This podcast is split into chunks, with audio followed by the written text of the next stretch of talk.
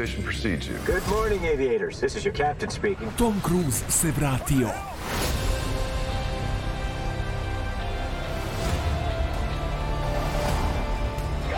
Top Gun Maverick u bioskopima od 25. maja.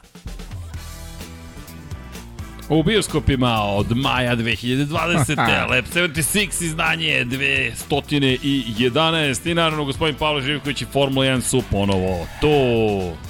Ćao svima, što bi rekao moj kolega sa leve strane. Ćao svima. Izvinite što kasnimo, ali novi teti, novi teti, a i Jurnjeva sutra se ide u Asen u 6.40, poleće avion za Holandiju, pa smo Dekija morali da snimimo šta? Moto Grand Prix podcast, ali pošto smo umeđu vremenu radili neke novitete u studiju, kada budete videli dvoplan takozvani, to je kada smo nas dvojica u kadru, a, hvala Vanja, eno je tamo kako je nazvao, kako je nazvao, op, a, Deki, Zvezda smrti ili ti stigla nova rasveta, tako da se nadamo da će biti još bolje. Ovo su tek prva nameštanja, ali Pa šta ti kažeš? Disco klub. Di Disko, vrisko, idemo 80. 70. i sve. Dobro, ti to ne znaš, ti si. Pa učim. Ali uči, gledaj filmove dokumentarne i sve će ti se samo kasti. Ljudi, nadam se da ste dobro, izvinite još jednom za kašnjenje.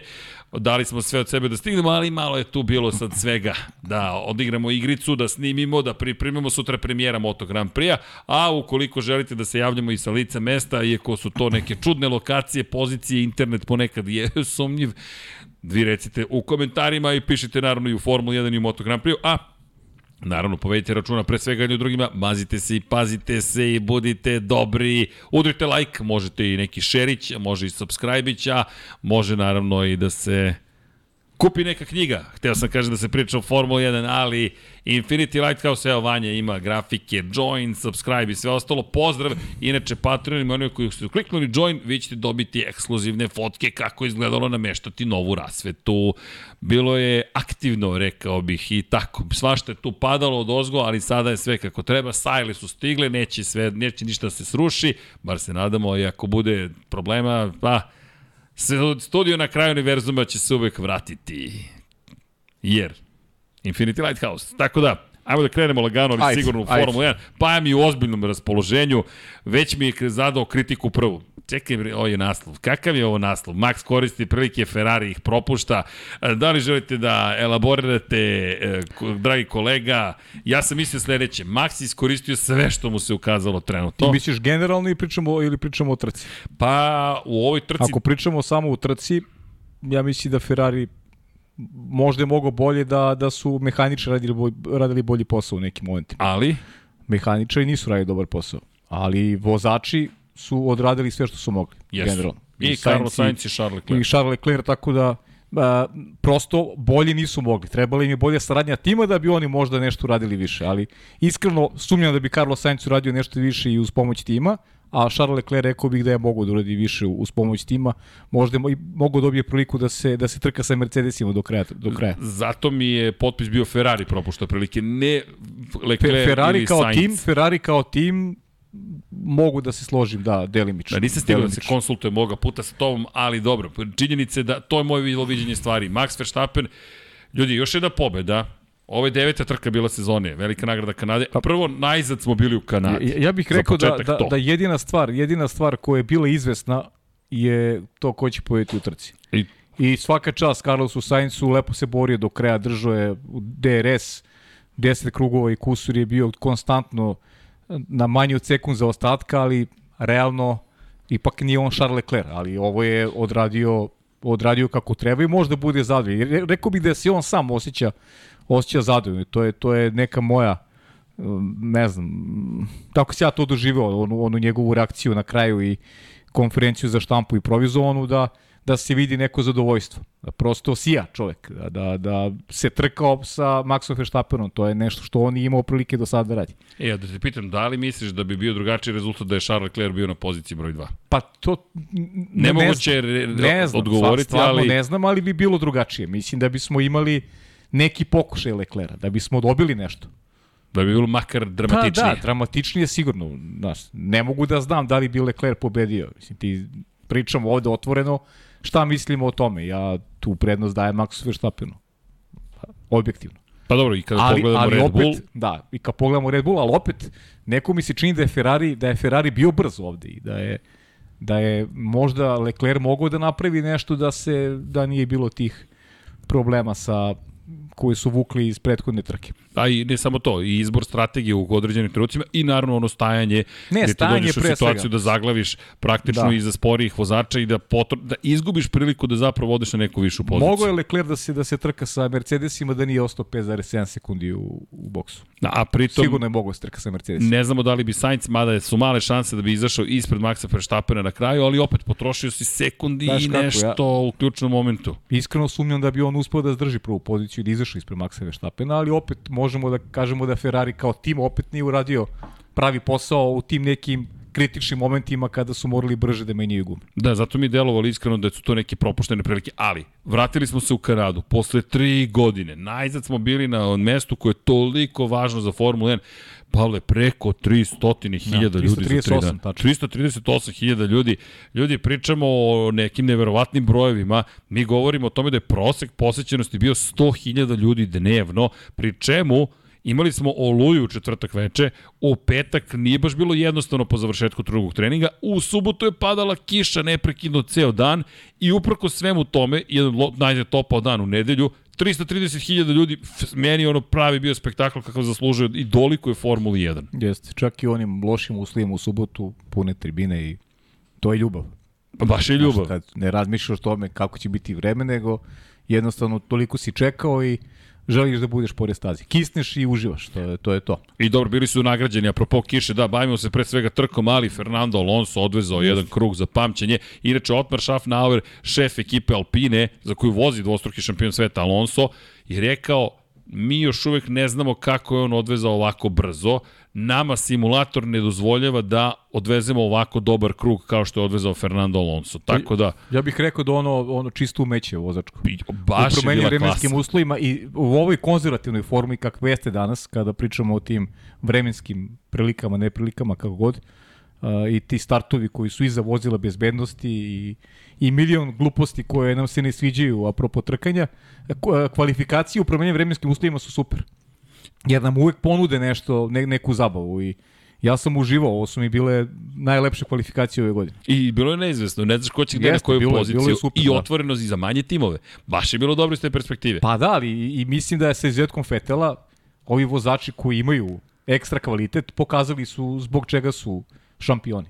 Jer su odradili super kvalifikacije. Izvukli su a, Alonso i više od maksimuma, a ovi ostali su bili na nekom svom nivou. I Lewis Hamilton i Max Verstappen. Charles Leclerc, dobro, Charles Leclerc nije učestvovao u kvalifikacijama, ali to su neki vozači od kojih se očekuje da u svim vremenskim prilikama a, budu na visokom nivou i to su i pokazali. Inače, a, apsolutno a, velike pohvale zaista za ono što je učinio Fernando Alonso. Imao je kvar na motoru tokom same trke i zapravo je bio... Pr... Vazduh je prodro u motor Alpinin tokom trke, to je potvrdila ekipa i samim tim nije mogao da, ni da ima snage da se bori protiv Mercedesa. S druge strane, a preagresivno se branio, pa je na kraju dobio kaznu pomeranje 5 sekundi unazad i jedan vikend koji je bio zaista spektakularan završen i devetom pozicijom. Spektakularan čak kad, kada pogledamo tu situaciju da je imao kvar na bolidu, mi smo mislili da je Alpina propustila priliku da povuče pravi potez i dalje mislim da je mogla bolje da, da, da odigra, Ja ali, mislim isto. ali bez obzira na sve, jedan, dob, jedan vikend u kojem smo mogli da vidimo šta je ličnost, šta je snaga i zvezde prave, jer kada pogledaš posle kvalifikacija, Max Verstappen koji je bio briljantan Pri, po kiši. Priču da ne zaboravimo, mi smo zaključili prenos, a, a Alonso je kažnjen naknadno. Da, na, nakon, zato kažem, Naknadno je kažnjen i završio trku na devetoj Deveta- poziciji, tako pozicija. da su, da su dva Alfa Romeo profitirala. Ali- Bottas i, i Guanyu Zhou. ali ovaj pogled, meni je ono što je bilo fascinantno u subotu, kako ga je publika pozdravila. Pa, Ti imaš Verstappena koji je šampion sveta, a najveća ono je zvezda. pobeda, ono je pobeda. Ono je pobeda. Pobeda. Imaš Sainca koji ti dolazi iz Ferrarija, Ferrarijeve navijače i najgromoglasniji aplauz dobije Fernando Alonso. Krajnjem slučaju, Fantastično. naš Sainz nije dobio priliku da se trka sa Verstappenom na početku, jer tu je bio Fernando Alonso, Alonso Jeste. koji nije mogao ništa na, na početku trke, Max je lagano poveo istu i ajde, analizirat ćemo kasnije, zavisi, ajde da, da pustim tebe da da ovaj diktiraš, Ma ne, diktiraš kako, tempo, ba, pa ćemo, ba, pa ćemo ba. da, pa ćemo da ovaj analiziramo ono što, što je bilo interesantno. Da, i pohvale, samo da konstatujem pohvale za Luisa Hamiltona koji je ponovo bio na pobedničkom postolju drugi put ove sezone posle Bahreina i prve trke godine. Hamilton koji je rekao da, da mu je, da je ostio olakšanje što se ponovo po- popeo na pobjedičko postolje i verujem da je tako, pre čemu gde? Na mestu gde je zabeležio prvu pobedu u karijeri, tamo daleke 2007. godine, pre 15 godina. Da. Ok, korak neki u pravom smeru iz perspektive rezultata, analizirat ćemo šta se sve dešavalo, ali činjenica je da kada pričamo o, o prosto samoj trci celom vikendu, zašto sam hteo da kažem za Maxa Verstappena briljantna vožnja po kiši. U svakim situacijama on je bio sjajan. Ma da, ma da. Iskoristio je svaku priliku koja se pritom ukazala, iako mu je otkazala radio komunikacija pre restarta, dakle nije imao komunikaciju više sa ekipom, nije se, nije se osetilo. Da, to je Baš je već- šampion. Već pričamo o nekom ko je šampion. Mlad momak je šampion i zna kako se pobeđuje u trkama i onako prilično, prilično dominantno i to je ta razlika. Mislim da smo načeli tu temu u prošlom podcastu. Jesmo. Koliko Perez može u kontinuitetu. Pa evo videli smo da Završilo se. promenljive vremenske prilike, kvalifikacije, Čeko koji je produžio pravo, završio kvalifikacije, Max koji završava prvi i on je taj koji onda, opet dobro, Leclerc je Ferrari imao priliku da onako drugačijem nekim, nekoj raspodeli snaga da a, možda ima dvojcu vozača koji će natirati Red Bull da drugačije strateški reaguje. Ali prosto to se nije dogodilo i Max je imao jedan savršen vikend. Baš savršen vikend. Pazi, nije mu ni bio potreban Perez. Na kraju ništa, a pritom ništa je nije dobio jedan zavisalo od test, dobio jedan test Ferrari iza njega, konstantna pretnja, ali se re, realno se Sainz nijednom nije ukazao. Meni je zanimljivo, izvini, bilo to što je rekao da bi radije da je on jurio, Jurio, da, da. i da je lovac nego da je lovina. Meni je to bilo fascinantno, koju agresivnost on posjeduje. Ne želim da se branim, želim da ja napadam. Da, I da. Mislim da je to savršen spoj kulture Red Bulla kao kompanije, kao ekipe i njega kao agresivnog Pa vozača. ja kažem ti da je Ferrari i, i reagovao bolje u slučaju Sainca, mislim da bi ga Max pojeo na stasi. Pojeo vidi. po znacima navoda. Pa da, ali videli smo i razlike u brzini. Honda i dalje ima prednost, to je i dalje ponovo, ali apropo Serhija Pereza, odustaje u trci posle kvara motora, postoje tu i dalje znakovi pitanja. E sad, anulirani su i Ferrari i Red Bullovi, to jest incidenti koji su imali što Leclerc, što Verstappen, to je anulirano. Dva otkazivanja za Verstappena, dva otkazivanja za Jeste. Leclerca. Sada dolazimo do toga da posmatramo Pereza koji ima drugo otkazivanje takođe tokom sezone, da vidimo da li ovo postaje ponovo problem s kojim se suočava Red Bull, pri čemu idemo u Silverstone, zahtevna staza, idemo u Austriju gde će biti tekako opterećeni sistemi. Zašto? Visoka nadmorska visina, manja kiseonika, visoke temperature, ko zna šta će se tu desiti. Dakle, da eto, zanimljive dve trke pred nama, ali da ne odemo tamo. Da se držimo Kanade. Tako. Kanada, To, to za Mercedes može bude dobra ta bitka koju vode Ferrari i Red Bull. Kako je Ferrari profitirao prošle godine, tako može i Mercedes da, da, da profitira možda u sledećoj godini. Jer šta je karakteristika Mercedesa ove godine? Pouzdanost. I konzistentnost, jednostavno... No, Završavaju trke, i uzimaju, uzimaju ono što mogu da uzmu. Bukvalno. Da možda ja bolje verujem, sam- Mercedes koristi sve Da, prilike. baš sam pričao sam sa, i sa, sa Vanjom malo pre početka podcasta, ja mislim da će Lewis Hamilton ove godine imati jednu pobedu sigurno. Da Pa- će nastaviti taj niz. Čekamo. Da. Da. Čekamo bukvalno. I pazi, bio je brz. Na kraju trke je bio Jeste, veoma brz. jeste, bio je- Iako bio je se brz. žalio u subotu, u nedelju je bio veoma, veoma, veoma brz. I naravno, čuvena priča o tehničkoj direktivi, promenama i tako dalje. Mi smo prošlog utorka pričali, ti si izneo ideju da se uvedu crne zastave sa naranđastim krugom, Da. to je cr, crno žud naranđasto zastava, kako se sada to zove. I dan Gde- kasnije dva smo dobili, Čekaj, ali ne to, nego Da, nešto da, drugo. ali ne, ali vidi. Kažeš Honda, desi se. Kažeš, šta si ono predvidio? Fe, Verstappen, Pa ne, ali dobro, ne, Vettel, desi se. Ima i kontra, nema veze. Pa ali ima, ovo je, ali- ali ovo smo baš onako, dosta smo ovaj vremena posvetili Jesmo, toj temi. prošle nedelje prič, pričajući o tome. I Da. s razlogom. I dobili smo onda tehničku direktivu koja je blago rečeno kontroverzna. Dakle, mi sada Blago rečeno, imamo, da. bl- blago rečeno kontroverzna, mi imamo situaciju u kojoj ponovo se nešto menja u sred sezone. Ono što smo rekli tokom prenosa, to je čim spomenete da to radite iz perspektive bezbednosti vozača, niko nema prava previše da se buni. Pa ako je bezbednost, onda je obaveza praktično da svi samo prihvatimo šta god da se desilo. E, pauza. Bezbednost mora da se stavi na prvu poziciju, ali rešenja postoje i u već u postojećem pravilniku. Nema potrebe za direktivom, pa je to objasnio. Jel imate problem koji ugrožava vozače? Žao mi je, vaš automobil mora biti diskvalifikovan. Kako? Mora biti diskvalifikovan. Jednostavno, ako je bezbednost u pitanju, tome služi naranđasto crna zastava. Jeste. Morate biti sklonjeni sa staze. Nema potrebe da se mešamo u Za, pravilnik. zašto je sklonjen sa staze Kevin Magnussen? Zato što mu je visio prednji desni kraj, to je granična ploča desnog dela prednje krila. Ista priča. Isto priča. Isto O, priča. I u redu, sklonili ste ga. Rešite, rešite bezbednost svog bolida. Tako je. Jel poskakuje bolid preko nečega što bi trebalo da se smatra dozvoljenim Tako je, za bezbednost vozača? Ok, ne možeš da voziš ovu trku. Molim? Ne možeš da voziš ovu trku. I onda se vraćamo na isto što smo pričali prošle nedelje, pa moraš da rešiš problem. I inače, pravilnik nemamo predstavu kako će se primjenjivati, ta tehnička direktiva, inače, Počinje da kao od Silverstona će početi da, ovaj, da se primenjuje. se primenjuje. Da. Ali ne znamo koje su brojke u pitanju, inače šta će da koriste? Koristit će zapravo u bo, e, vertikalno ubrzanje. Šta to znači? Dakle, ubrzanje vertikalno po vertikalnoj osi. Dakle, povećanje brzine što negativno ubrzanje, to jest negativno sad, iz koje, ko, gde postavljate osu. Zapravo, ako je osa nulta tačka glava vozača ili telo vozača, dakle, gledat ćemo da li je vertikalno ubrzanje na gore, vertikalno ubrzanje na dole. Ne mogu da kažem negativno ubrzanje, čak nije ni to ispravno reći, samo je prosto čudno osa postavljena iz te perspektive. Kako god, pojente je da se razumemo. Gore, dole, merimo ubrzanje i na osnovu nekog parametra ukoliko prelazi, trebalo bi nešto da se desi.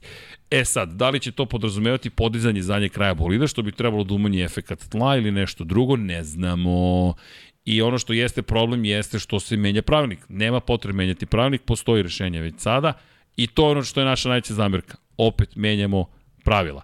Isto kao što, samo da napomenem, pošto bi ovu teoriju trebalo da odgovara Mercedesu, ali po novom pravilniku pitanje, možda će Mercedes biti najviše kažnjen, to ne znamo, možda mu i pomogne, ali samo ću da podsjetim na naš stav iz perspektive party moda Mercedesovog.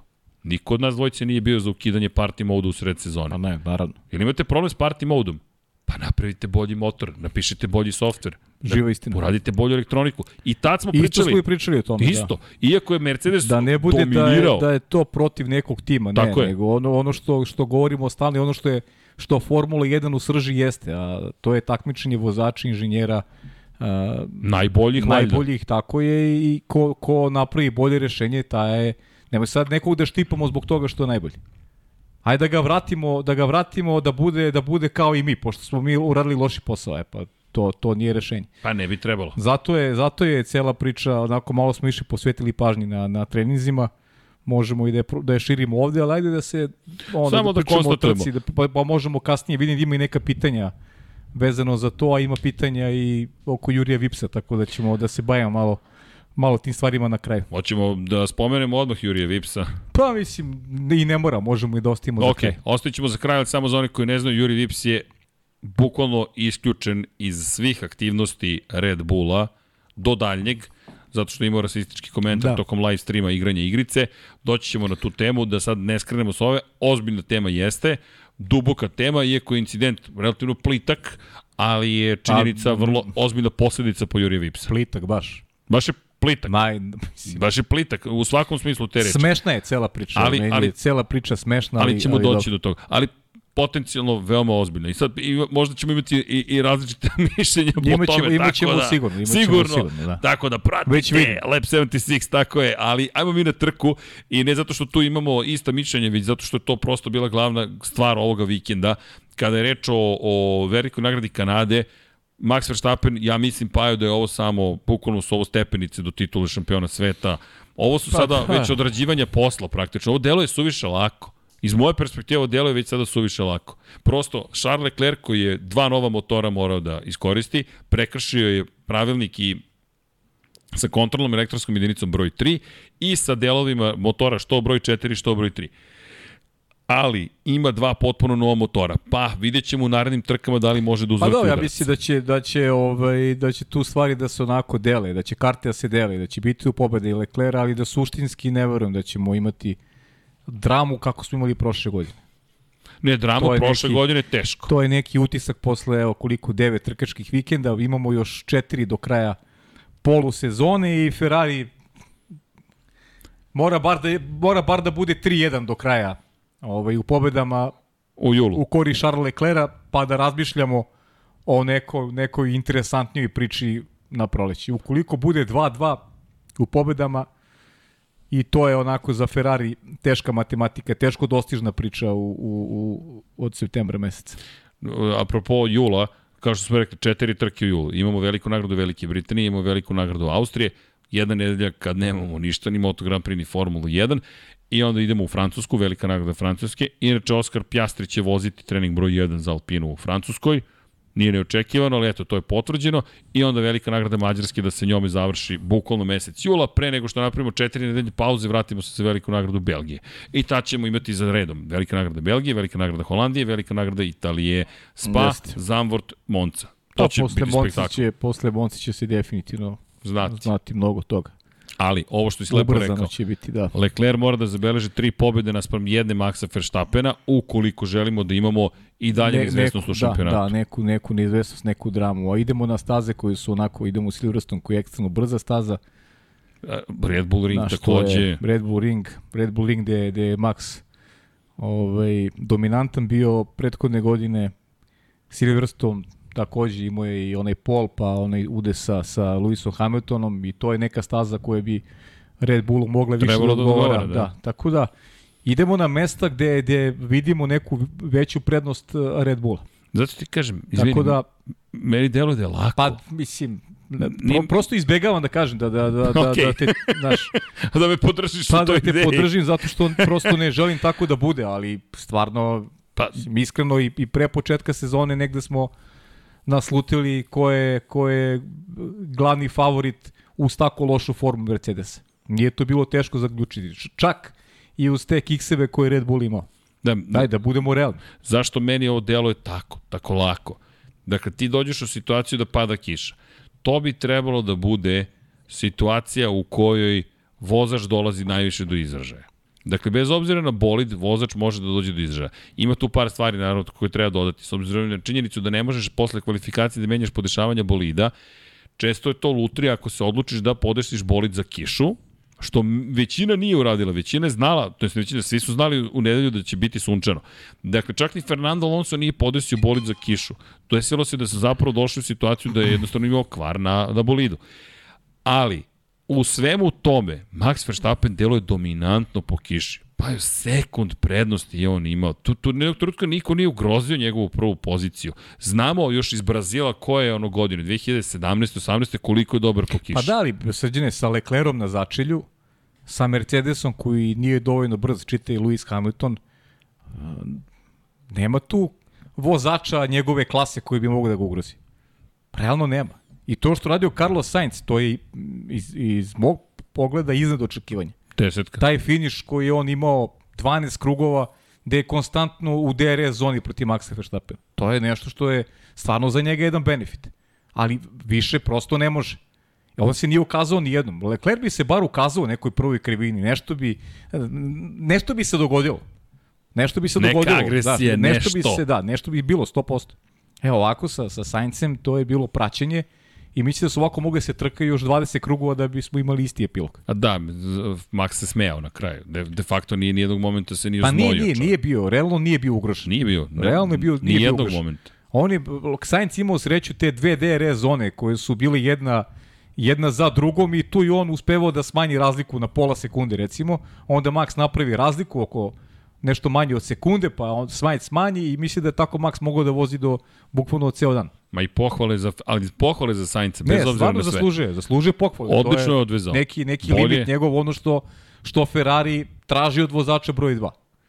Kad nema Leclera, eto, ukazala se neka šansa koju on iskoristio. I zato sam mi rekao, ovo je njegova najbolja trka u sezoni. Malo je nedostajalo, malo je nedostajalo čak i da uspe da, da, da, da z- kroz strategiju nešto više učini. Moram ti priznati, više bih volio da se nije desilo vozilo bezbednosti iz perspektive Sainca pred kraj, jer mislim da... I to je priča, da. To, I to, to je priča. Znaš, jer 8 sekundi prednosti ti imaš, smanjuje se prednost. Ok, ali kako bi to sve izgledalo na kraju? Vero, mo- možda bi izgubio, ali bi bar imao veću šansu nego ovako. Da, Da, oni, pretekneš oni, su, oni su imali Teško. jedno, jedno gratis stajanje s obzirom na veliku prednost odnosno na Mercedes i mogli su da probaju eto, tom rizičnijom strategijom sa jednim stajanjem da, da nešto urade u finišu, ali nećemo nikad saznati Da, koliko je to bilo realno. E, Velika šteta, baš velika šteta što, što, što nismo dobili to zašto. Zato što, kažem, mislim da, bez obzira što je Verstappen rekao, više volim da lovim, da bi to ipak bila, bila jedna uzbudljiva bitka. A u krajnjem slučaju, videli bismo baš i otvorenu borbu za tu prvu poziciju. Da. Ili ko zna, možda bi se ispostavilo da, da ne može Honda bolje od onoga. Mada,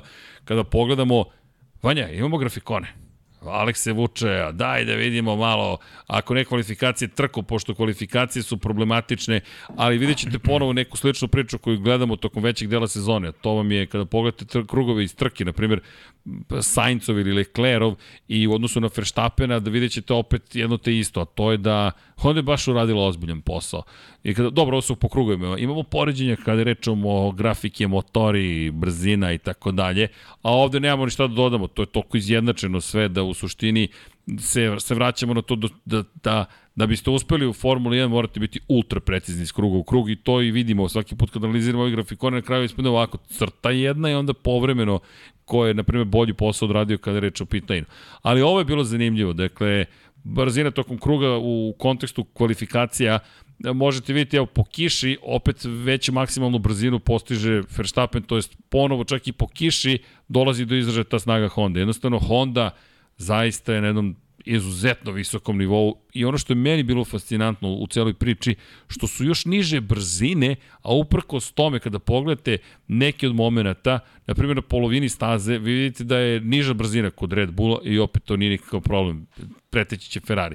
Izlaz tamo ka 13. i 14. krivini, izlaz iz 11. krivine je takav da je manja brzina opet kod Red Bulla, dok se stigne do 13. krivine, pobeđuju Ferrari. Adrian Newey radio savršen posao. E da, i James Ellison se pojavio u Mercedesu. James Ellison u garaži Mercedesa i tim odmah izgleda ozbiljnije, makar je to. I Gene Haas je bio takođe u, u Kanadi. E, da, Gene Haas je bio, da, yes. bio je, bio je, bio. Nismo ga vidjeli, ali je bio. Bio u Kanadi. Tako da, kada govorimo o, o, o, o prosto odnosima snaga, jednostavno Honda ima prednost, kada govorimo o ljudima, ljudi su potrebni. Mada Jim Haas se obradovao posle kvalifikacije i Mick Schumacher i pa do, Kevin ne? Magnussen, odlični. Da, sjajno. Peti, Treći startni red, baš je bilo dobro. Nije tako završeno, ali to je neka priča kao, kao Alonso. I to ono što je Alonso i pričao, imaš, imaju dobar tempo petkom i onda su u subotu iskoristili te promenljive vremenske prilike i definitivno i dalje kaskaju mnogo za, za vodećima. Nemaju nemaju tempo za trku, iako su mogli da iskoriste one, ona besplatna stajanja, mogli su malo da, da učine trku uh, Alonsu možda i, i zanimljivijom do kraja. Kao da su držali nekog svog plana i nisu želeli da, da ga remeti sigurnosno vozilo. Meni... O, oni najbolje znaju zašto su to uradili, ajde da... da... Ali baš mi žao, to moram ti da. priznam, vola bih da se vidi to, jer mislim da je mogao da brani poziciju. Kronično kraju dana jeste dobio kaznu, bez obzira i na, i na, pa, zato što je da, agresivnije branio Morao je. Poziciju od, od Valterija Bottas. Ali bukvalno je morao da krene. Da, Valtteri Bottas koji baš i nije bio ponovo rekao bih briljantan tokom većeg dela trke Jeste, ali, i onda na kraju pa fenomenalan rezultat. Sedmi. sedmi čovek bude. Valtteri nek... E da, zanimljivo. Valtteri Bottas 44 poena u šampionatu.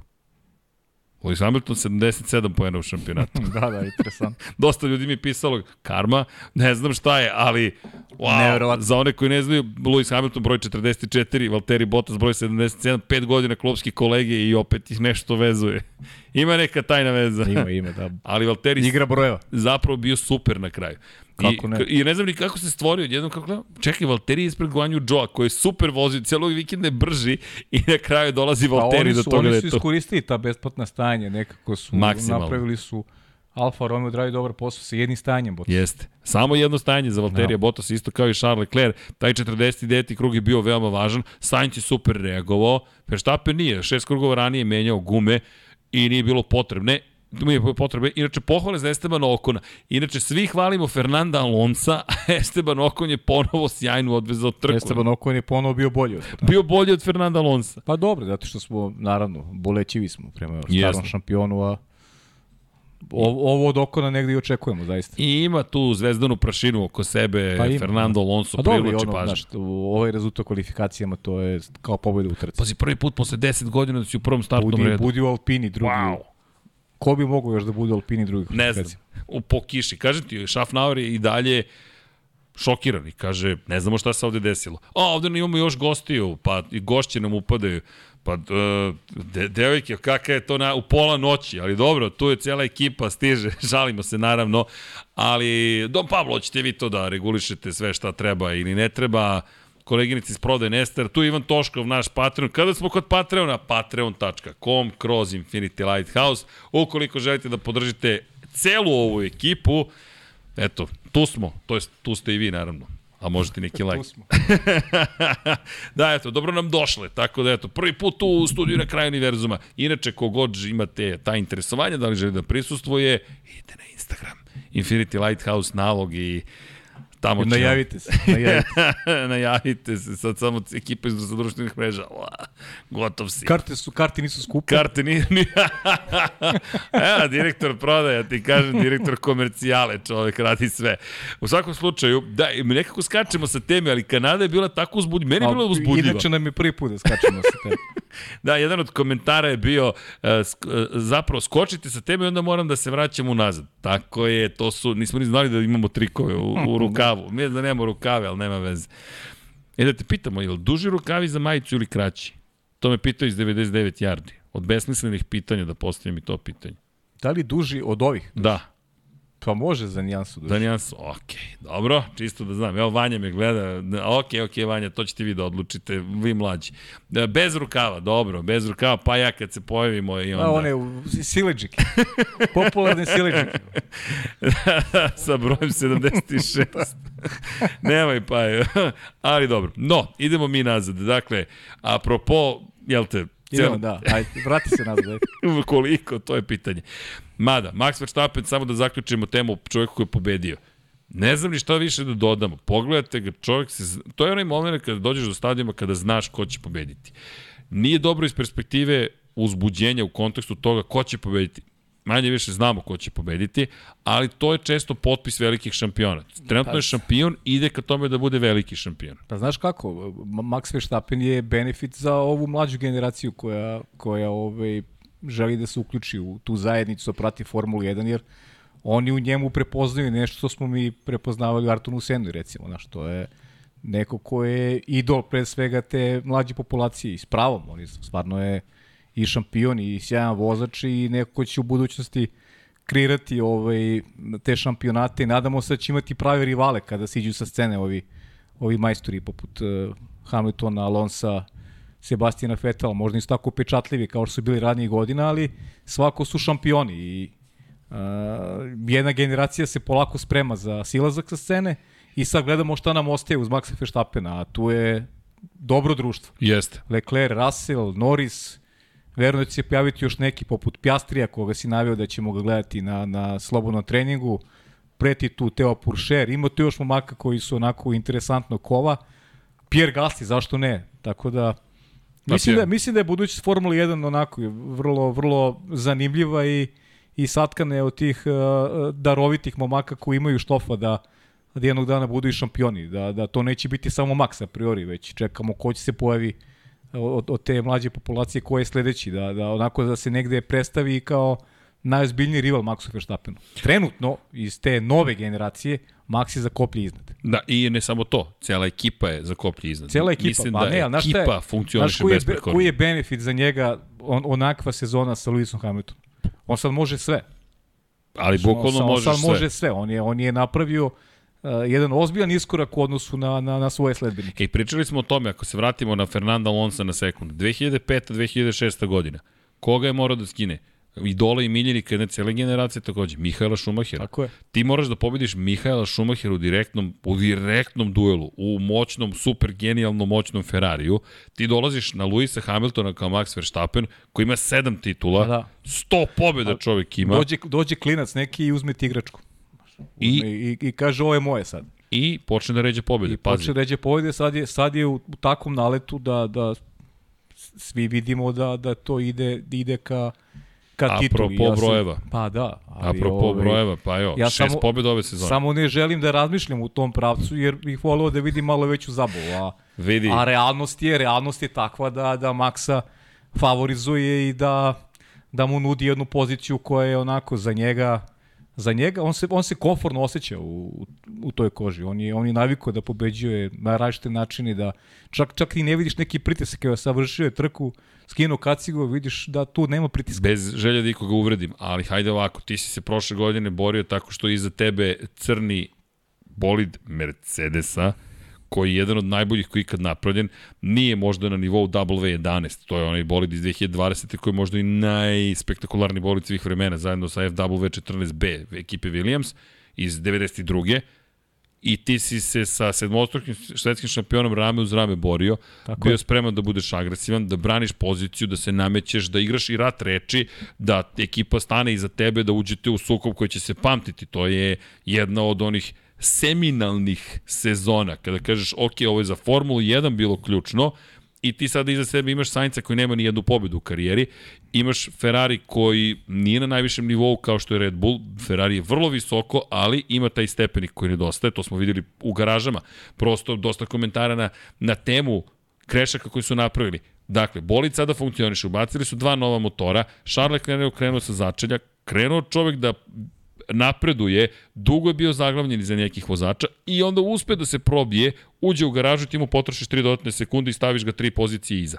On na kraju završi peti. Dakle, zašto Ferrari je malo ispod, mislim da je to očigledno. I sad tebi je Sainz pretnja, ne, nije ti Sainz pretnja više. Zašto? Zato što si, kao što si lepo rekao, ti igrao protiv najboljeg. Pa da. Lewis pa Hamilton da. je najbolji vozač svih vremena. 103 Jest. pobjede, 103 pa pol pozicije. To, to su ta neka iskustva koje nemaju cenu.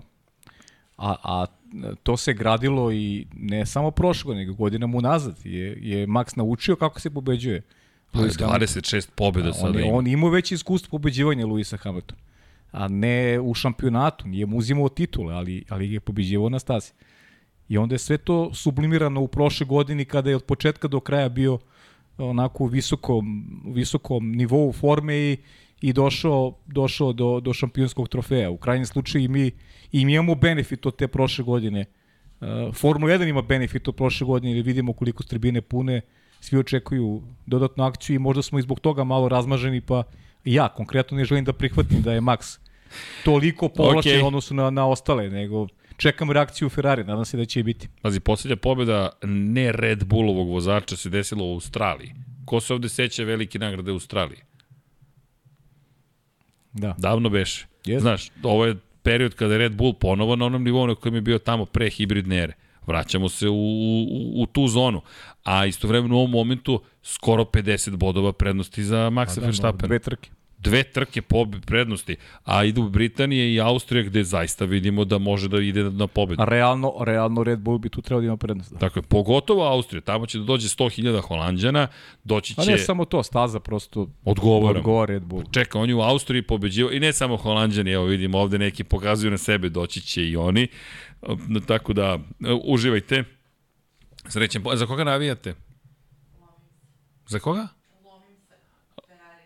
U, ovo ne smijem ni da izgovorim. Dama se lomi između Ferrari i Red Bulla. Ok, oh. ja sam zato obukao majicu Aston Martin. To je kao kad se lomiš između Partizana i Zvezda. Bukvalno to je taj nivo. Kao, ne, nisam siguran, kao lomim se. Kao, crno ili crveno belo. pa ništa za Ofka Beograd. da, da. za Ofku. Ili za Zemun. Tako da, eto. Imate opcije, tako, Alpina. Alpina, da. Alpina je dosta onako pozitivan moment. Jeste, jeste. Jeste, jest. ali da. Ja volim Alpinu. Pa, ja mislim da se, da, da, da ali pogotovo Alonso to neko osvoje, iako Okon čovjek i dalje mnogo brže. No, apropo Red Bulla, mislim da oni zaista sada gledaju da završe što više mogu. Lepo si rekao, Jul, mesec, kritični mesec da se završi da. posao praktično. Izvini, i zašto mislim da je to bitno? Zato što vraćamo se na ono što je Mercedes imao kao opciju. Kada vi završite posao na praktično u prvoj polovini sezone, malo posle prve polovine sezone, vi se ne bavite više 2022. Vi već krećete pa, u 2023. To, to je ono što sam ti rekao. Zašto je, zašto je Mercedesu... Mercedesu je važno da Ferrari bude dobar. Jer Mercedes možda profitira na konto 2023. Oni su pouzdani, a, a šta, šta mogu da rade sada? Verujem da su onako duboko im je već usađeno negde u glavama da moraju da se fokusiraju na sledeću godinu. Pouzdani jesu, brzinu nemaju. Šta će im brzina do kraja godine? Treba im da rade na tome u pripremi bolide za narednu propustili su šansu da budu dobri ove sezone, ne sumnjam da će propustiti da budu dobri naredne. A ta bitka između Ferrarija i Red Bulla možda im pomogne. sa tim maksimalnim fokusom koji će on imati na narednu godinu. Pa, najveći gubitnik u celoj priči i dalje mislim da će biti Ferrari. Pa dobro, Zaista to sad, mislim da- to sad ne znam, ali Ja zaista to mislim, evo zašto. Vraća se ponovo kratko na prošlu nedelju. Dakle, mi imamo šefa Ferrarija koji posmatra stvari na način, pa ne moramo ove godine da se borimo za titul, zato što smo konkurentni. Ja i dalje mislim da će Mercedes Pa vratiti. dobro, ali on, on čovjek može da kaže šta god hoće, ne mora to da misli. Znaš, Pa- pa, to je Znam, ali znaš, dru, dru, drugačiji je pogled. Mislim, ne znam šta oni imaju generalno kao plan. Ferrari je ozbiljan, ozbiljan tim, verujem da neki plan postoji sad. Da li će biti gubitnici s narednu godinu, ne znam, ali da opet s druge strane je činjenica da oni nisu odavno ovako dobro izgledali. Generalno gledajući. Stvarno nikad nisu, nisu davno ovako dobro izgledali. Iz početka neke godine.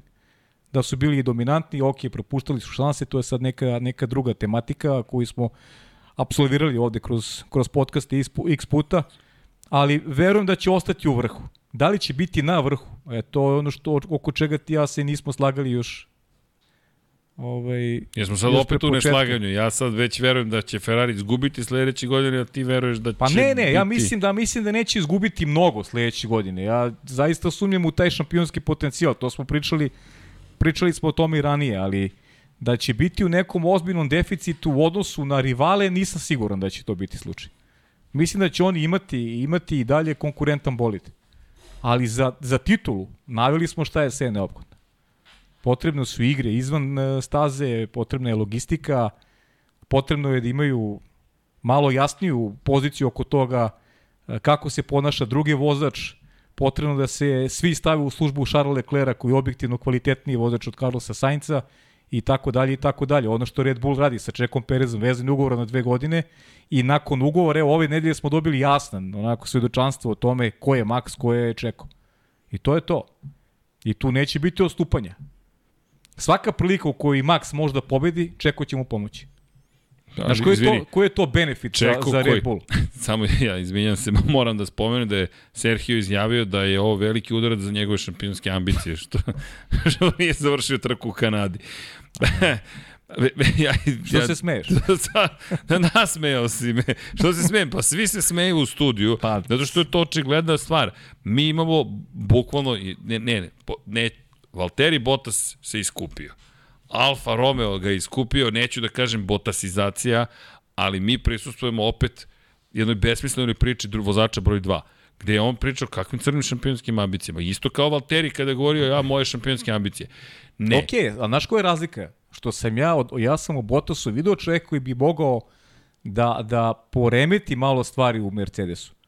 Jer sam ga tako doživljavao, kao neko ko, ko ima tu vrstu potencijala.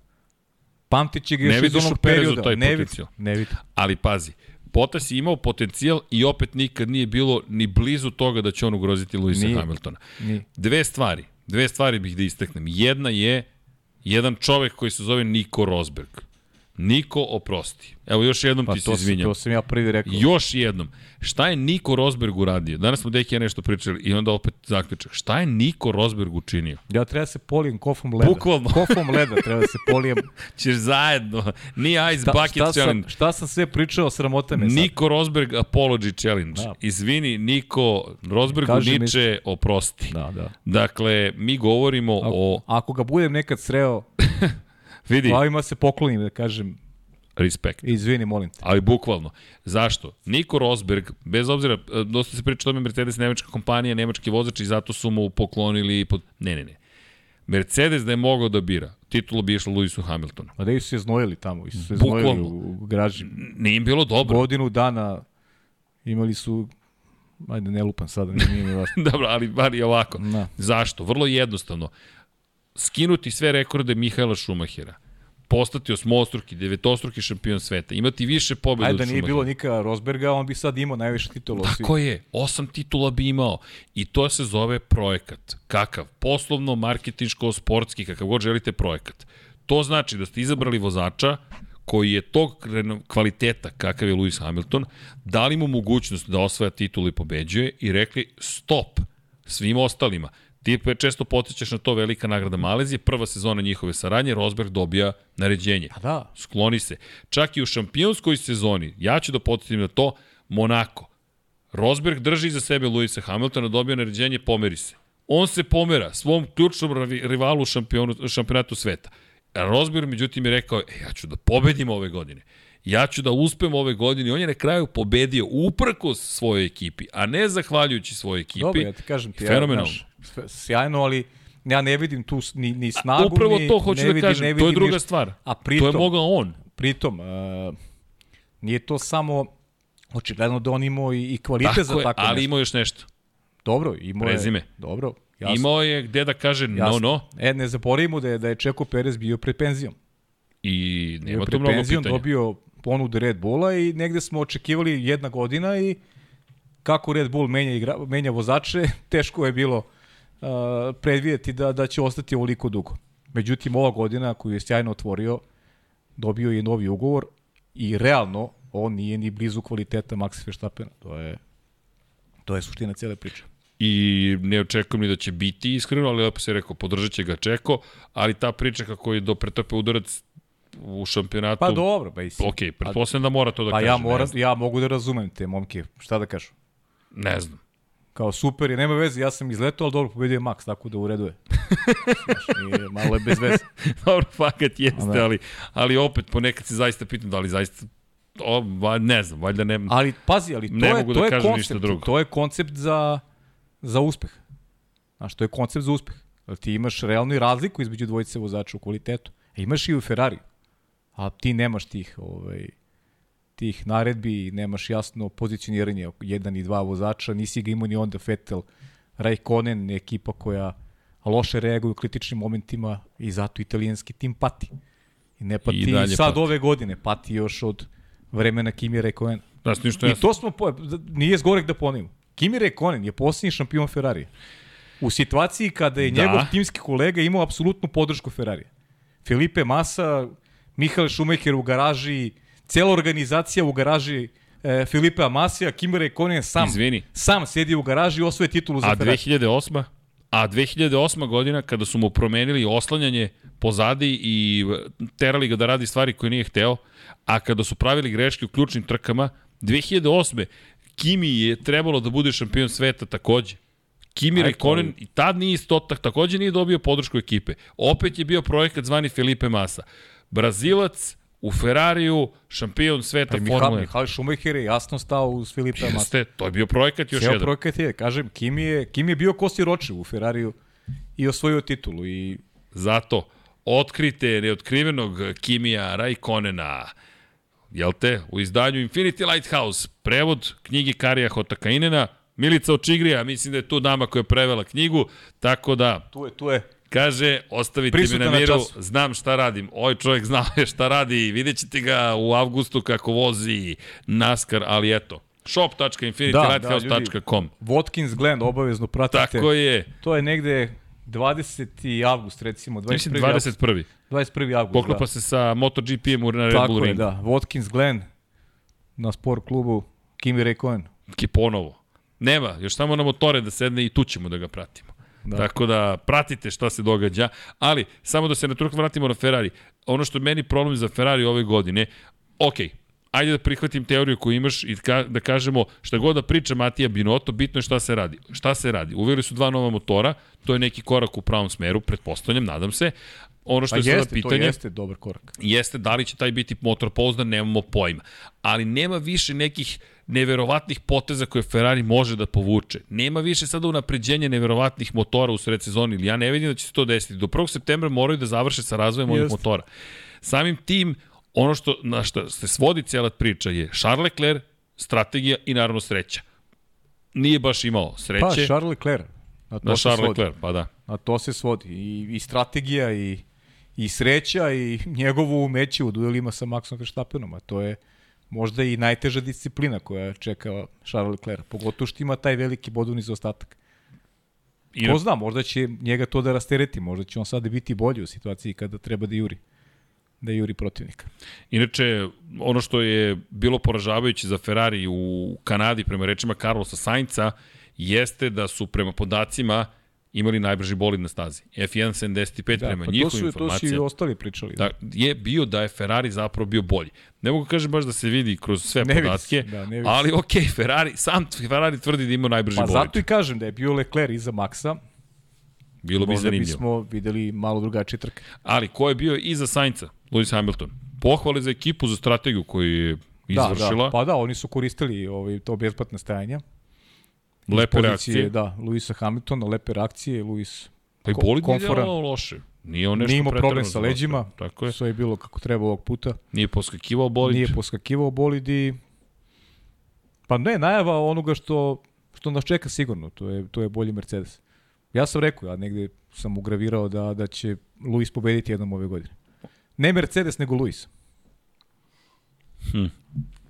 A da li misliš Russell da će pobediti? Nisam siguran, ali mislim da Luis hoće. Da, inače Rosberg se oglasio po tom pitanju, rekao je budite sigurni da Hamilton neće prihvatiti da ga pobeđuje klubski kolega. To je nešto što je njemu neprihvatljivo. Inače, u, u Da njegovoj... li se slažeš sa Rosbergom? Apsolutno. Apsolutno. Apsolutno. U Hamiltonovoj karijeri, da se vratimo na tu priču, samo jednom je pretrpeo baš poraz, poraz klubskog kolegi. U McLarenu. Kada? Protiv Jensona Batona. Ne računam prvu sezonu u borbi sa Fernandom Alonsom, jer je bio Novajlija, to je čovjek Novajlija. Ali kada ga je pobedio klubski kolega, Jenson Button. To se čest, često zaboravlja. Ja mislim da je to najbolja Batonova sezona u karijeri, bolje od šampionske. Bolje od šampionske i čak i ona sezona 2011. godina je bila Bilo dobro. bila dobra kad je pobedio Vettel, ono pričali smo. Možda Jeste, to je najbolja jeste. trka njegova. Možda u Kanadi. Inače, volao bih, neko je komentarisao od gledalaca, šteta što nema Batona da ga vidim u ovim uslovima. Baton bi pobedio u ovim uslovima, verovatno. On je čovjek koji je znao, mada nije, ne bi pobedio jer nije bila kišna trka, pa suvot ili tako nešto, nekih promenjivi momenti, ali Baton je tu baš briljirao. Ko zna šta bi Alonso radio da je bila kišna trka. E, to bi bilo zabavno vidjeti. No, Hamilton treća pozicija, George Russell nastavlja svoje. Pa je onaj čovjek je ne uništio. Dakle, bukvalno peta pozicija najgorem slučaju i ogromno poštovanje za George Russell. Jeste, devet, devet puta, devet puta među, Među pet. vodećih pet. Znaš šta što ja. me podsjeća? Na Hamiltonovu prvu sezonu u Formuli 1, kada nije silazio iz pobjedničkog postolja. Ok, ovo nisu pobjednička postolja, ali tri pobjednička postolja u devet trka i konstantno među šta pet mi, svojim samo, bolidom. šta mi samo fali da, da malo oboje? Ti neki dueli na stazi kojih nema, znaš.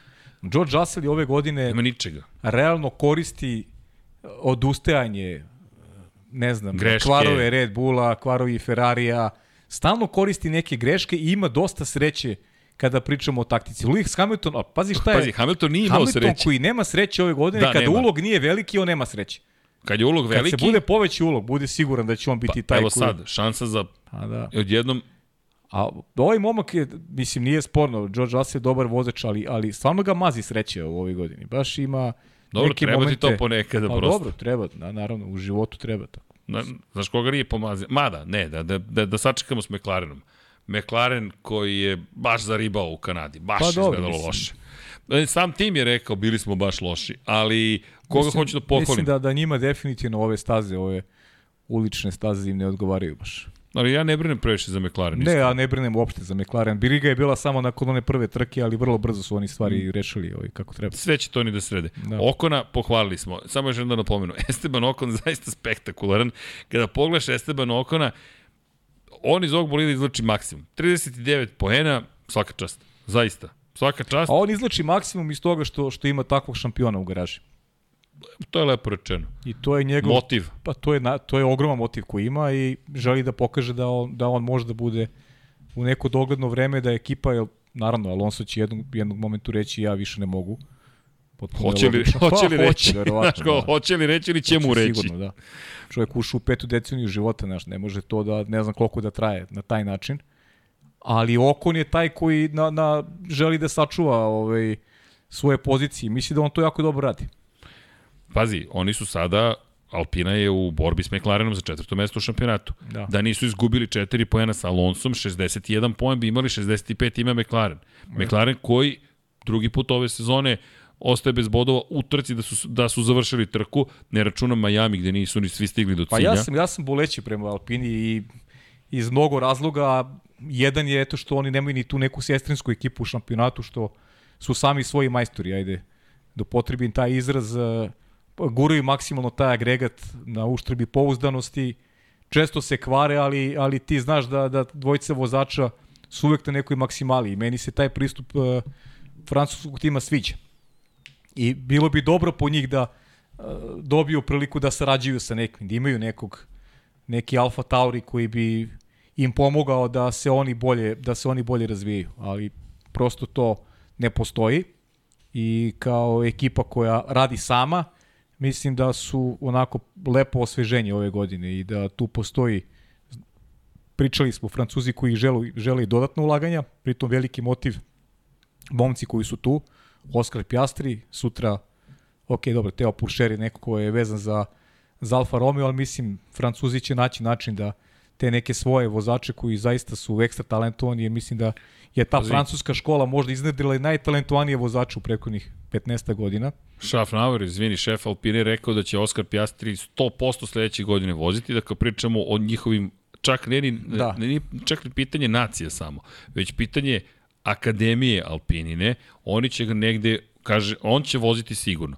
Ja mislim da će tamo Williams biti vrlo interesantna verovatno, meta, verovatno. jer kada pogledaš situaciju trenutno sa, sa Nikolasom Latifijem, baš nije dobra situacija. Latifi nema, nema Pa ne, čime da se Latifi- pohvali jednostavno. Pa nema, Latifi je ko zalutao ovaj šampiona, tako izgleda. O, sa ovim bolidima novim baš je zalutao i deluje da će, da će ga zameniti. A kada govorimo o, o Francuzima, baš ih je mnogo. Ti kada pogledaš Mnogo. u Formuli 3, u Formuli 4, kada pogledaš juniorske šampionate, baš je mnogo francuskih, u, je veoma Ali talentovanih što ih je mnogo, nego dobrih. Dobri su, baš su brzi, baš gledaš i kažeš, ok, čekajte, ovi su ljudi napravili neku ozbiljnu školu. Ili su nacija neverovatnih vozača po defaultu, ili je prosto neka srećna okolnost da ih je toliko Da, odjedno. bilo ih i kroz istoriju, ih je bilo naravno jako dobrih, ali sad je ovo je neka baš ekspanzija, očigledno da se mnogo ulaže u automotosport generalno i, i da postoji onako talenti koji koji prosto niču i A pazi. treba im naći mesta. Ne, A- ne mogu svi da dobiju mesta. A izgubili smo dvojicu. A, to- Izgubili to- smo Žila Bjanki i Antoana Ibera. Antana Ibera, da. Stravično. Jeste. Oba Francuza. Jeste. I, i, i, I pre svega tragedija da izgubimo mlade živote, ali s druge strane kada pogledaš, to su opet bili francuski takmičari. Zamisli samo da je Žil dobio pravu priliku da je preživeo. Znaš, ko zna kako bi stvari izgledali. On je otvorio Lecleru vrata. On je bukvalno protažirao Charles Leclerc. Kakav smo očekivanje imali od Romana Grožana, recimo. Na primjer, Roma Grožan koja mi se se nikad nije oporio, to si ti lepo rekao do one Belgije Da, da, cele te sezone. Jeste. Jednostavno on nikad, nikad se nije vratio u tu vrstu igre. Ali iz perspektive Francuza, da, Alpina nekako ima neku svoju priču, s tim što ovo sada već vrlo ozbiljna priča, dva, oba vozača među osvajačima poena. Da, to postaje standard neki, da, je. to je sjajno. Uh, Alonso kada je počeo da, da, da ima i malo više sreće, da se završavaju stvari, mada ovde opet imao peh, ali je osvojio poene. Inače, No, druga ne- kazna ne, bih posle rekao trke peh, za Alonso. ovo je Pa peh sa motorom. sa motorom, da, Da. da. želeo je, ovde je želeo dobru poziciju i ja, Jeste. mislim, mogu, znaš, možda razumeš trkača. Želi da sačuva poziciju, posljednji krug. Da, naslutili smo, ne, nismo dobili o, ceo kadar, ali Naslutilo se. Botas je bio tu blizu. Ali da ga citiram, it's a jok. Ovo je šala, ovo je besmislica. Čovek koji, koji ali bar ne štedi nikoga kada je reč o, o onome što ima da kaže. Međutim, kada je reč o tim rečima njegovim, ponekad je znao baš da pređe granicu Fernando Alonso, tako da tu malo, malo je mudri. neko može to da uradi, Pa, dvostruki šampion sveta. Međutim, znaš koga bih da pohvalim posebno? Guanju Josh. Tako je. Čekaj, Pajo. Ovo je, mogla, ovo je druga trka da je svojio poene. Osma pozicija. Na kraju dobro, malo i napredovo zahvaljujući kazni Alonsa. Mogla da bude druga za redom u kojoj svoje poene da mu nije otkazao Ferrari u Baku. Guanju Joe ozbiljno vozi. Baš ozbiljno vozi u ovakvoj Formuli 1. Ti si dobar u kvalifikacijama po kiši, ti si dobar po suvom, dobro se odrađuje strategija, počeo si da pokazuješ i emocije, malo neka psovka tu leti u radio komunikaciju, ali vidiš da ti je stalo. Da, što je super, sve ono što nismo videli u Formuli 2, mi vidimo u Formuli 1. Ne, ne, fascinantno. Jedan od onih momak, vozača. Momak od koga ništa nisam očekivao, iskreno. A daš mu veliku scenu i vidi ga. Pritom nije mi bilo jasno zašto Antonio Giovinazzi ne ostaje, ne dobija priliku, nego dolazi Guanju Joe, koji u Formuli 2 Pazi, kad mi nije pao na pamet Giovinaciju davno, pošto Gvanju Da. Joe odrađuje posao. pa odrađuje ono što je trebao da radi prošle godine, recimo i Giovinazzi pa nije radio. Tako da, Baš je propustio prilike. Ok, Alfa je bio, Alfa je ove godine jače nego prošle. Ali imao je To prilike. treba reći. Imao je prilike. da imao je prilike i Monce recimo, sad se seća Monce i Uđeš u onog Q3 deo kvalifikacija, trkanja sa, sa se sa- Ferrari, sa sa, Ferrari se trkaš, dokazuješ Zašto? nešto, nema potrebe. A Guanju Joe odrađuje to što treba i radi lepo na svom imidžu. Meni, je- meni se baš dopalo kako je vozio, kako se Da, da, ponašao, sve šta okej. traži od ekipe. I pazi, Alfa sa, ovo, sa ovim poenima u ozbiljnoj igri, 51 poen. I mi sada imamo McLaren, Alpinu i Alfa Romeo u bici za četvrtu poziciju šampionatu konstruktora. S- Fenomenalno. Ok, treće mesto McLaren vidimo tu. McLaren vidimo tu Kao favorita. favorita, ali dobro. E, da, inače, Ferrari je smanjio razliku u šampionatu konstruktora u odnosu na Red Bull. Možda zvuči ironično, ali za dva poena, za dva poena. Smanjili su, pa eto, vidjet ćemo, igra se do kraja To, godine. toliko o, o tim prilikama koji nisu iskoristili. ok, zaslužio sam. Dobro, dobro, da, hvala. A mada, ako mogu da kontriram kolega. Izvolite, gospodine. Zamisli da su iskoristili prilike. A, Misliš mehaničari? fer, fe, o, ku- za, Ferrari. či, čiji grb nose? Ferrari. Čiji grb nose? Okej. Vidi, to zna se, neko mora da Neka bude organizuje. da smo jedan jedan, ajde. Ali dobro, ovo je bilo zabavno. Ej, i Aston Martin je osvojio poene. Ponovo. I to Lance Stroll. I to Lance Stroll, jedan poen, ali tri trke za redom osvajaju A Lance poene. Stroll na mestu gde je osvojio prvi poen u karijeri pred svojom publikom. Treći ove smo godine. Pričali, ko negde, da ako negde ima motiv, onda je to Mora Montreal biti i ovde. Mora da bude prosto i uzio neku mrvicu je pokupio sa stola. A vidi, ali ova majice za podršku ono, one autodestrukcije u kvalifikacijama. Šta se ono desilo, pa? Od Ne znam, ekipe meni- koja peđu podićih pet na začelju. Znaš da smo ti ja igrali ovaj za pol, ti si igrao Alonso i ja Fetela. Ali to je samo sreća bila. Da si ti izabrao Alonso, ja bi izabrao Fetela. Pa da, Fetel je ovaj, baš, baš ovaj, šteta. Šteta jer, je- jer je sve izgledalo mnogo bolje tokom jutarnjeg tog treninga, isto po kiši. Stalno muke u kvalifikacijama. Stalno je, i bilo je dobro i u petak, Jeste. ali onda u kvalifikacijama Nestane užas. ekipa. Da, nestalo. Mada Fetel pojavljivao se tokom trke, gore dole, gore dole. Nikad ne smeš da poceniš Sebastijana Fetela. I dobro je raspoložen Sebastijan Fetel. Pa dobro, bolje izgleda. Pa to je ono, zeleni Red Bull je počeo da funkcioniše. Ne, ne, Zeleni Red Bull radi. ali da prime, pa vidi, postoji zakonitost od Španije na ovamo. Stvari, priznati, stvari izgledaju bolje. Dosta Pa, bolje ne izgleda znaš zašto nisu u fokusu, zato što nisu dramatično bolje. Nikom ne smeta to što uzimaju i mrvice. Da, da, da, Ako da su uzme, treći, ako četvrti... uzme nešto, ako uzmu nešto više, odmah će krenuti priča, aha, Red Bull, kopija, Ma nemoguće. plagi, plagijatori, Ma nema šanse to da se plagijatori. desi. Odakle ti taj ide? E, ali veliki pritisak je tamo Aston Martinu. Ogroman novac je uložen, mora nešto da se uradi. Zaista mora nešto da se uradi. Pa logično da je pritisak. Pa, pritisak. Inače, S, a, skodno ulaganjima, oni su smešni. mislim da je adekvatna reč koju ste upotrebili, dragi kolega. A to ono što- ono smo pričali. Iz te perspektive. Zašto su bolji od Williamsa? Koliko, šta je Williams uložio? Williams uložio novac uh, Nikolas Latifija. Da. Ej, izvini, apropo novca Nikola Salatifija. Nikita Mazepin je tužio ekipu E, Hasan. bravo, da, znam da ima još neka priča, da. Nikita Mazepin je Da, presavio to, je, to je nova, predstavio tabak tabak, papira. i, da. i rekao, hoću mojih 12 miliona dolara. Koji je moj deo, nećete mi prevariti. Pa sad, nisam siguran kako će da prođe na, to, na tom sudu, ali S, e, u e, konstelaciji stan kakve je danas. Piši propao. ja mislim da Piši to, propao. od tog filma nema ništa. Da, nema ništa. ali dobro. Ali, e, vidi, kakva igra. Mislim, nije smešno ovo što pričamo uopšte, ali Ali, čak i da ih u pravu, ja vidim, da, uopšte nije Mislim smešno. da- Da... Mnoge stvari danas mislim da tu parnicu nisu neće smešne, dobiti. ali da, neće ali, dobiti ali, parnicu do- sigurno, da. Ne, vidi, ovo je sada pitanje, sad, ulazimo u geopolitiku, to Ne, ne, ne, ne, ne, je. zato ti kažem, Samo ne, ću ne, ovako da ne. je zaobiđem. Nećemo, I nećemo to je to, tome, ali da. Uralkali traži svoje pare nazad, ekipa Haas je rekla ne, nismo prekršili ugovor i to bi bilo to. Ali činjenica dobili su te pare od Uralkalija, lepo su ih upotrebili da razviju bolid. Jedino što bolid je dobar samo u kvalifikacijama trenutno. Oni početni uspesi Kevina Magnusena, to je bilo to. I to je ono što si najavio. Čekaj, sređene, tri trke i to će biti to. Ups, ja sam mislio i za Alfu, ja sam mislio i za Alfu, E, to je... ali, ali vidiš, i dalje to je na stabilnim nogama. Pazi, dva vozača u poenima, tu su četvrto, peto, šesto mesto, svaka čast. pri To je čemu Kapa dole, zaista. imaju jedno 30 20 do 30 manje vremena na stazi nego ostali timovi. Jer Valtteri Bottas petkom ima slobodan dan. Petkom, da, uglavnom. Ponovo je presedeo trening broj 2, ponovo se pokvario bolid Alfa Romeo. E, ali super, kvari se petkom. Znaš, to je pozit, pozitivno, ne kvari se nedeljom. To- I Botas lepo odmori, sačuva energiju za subotu i nedelju.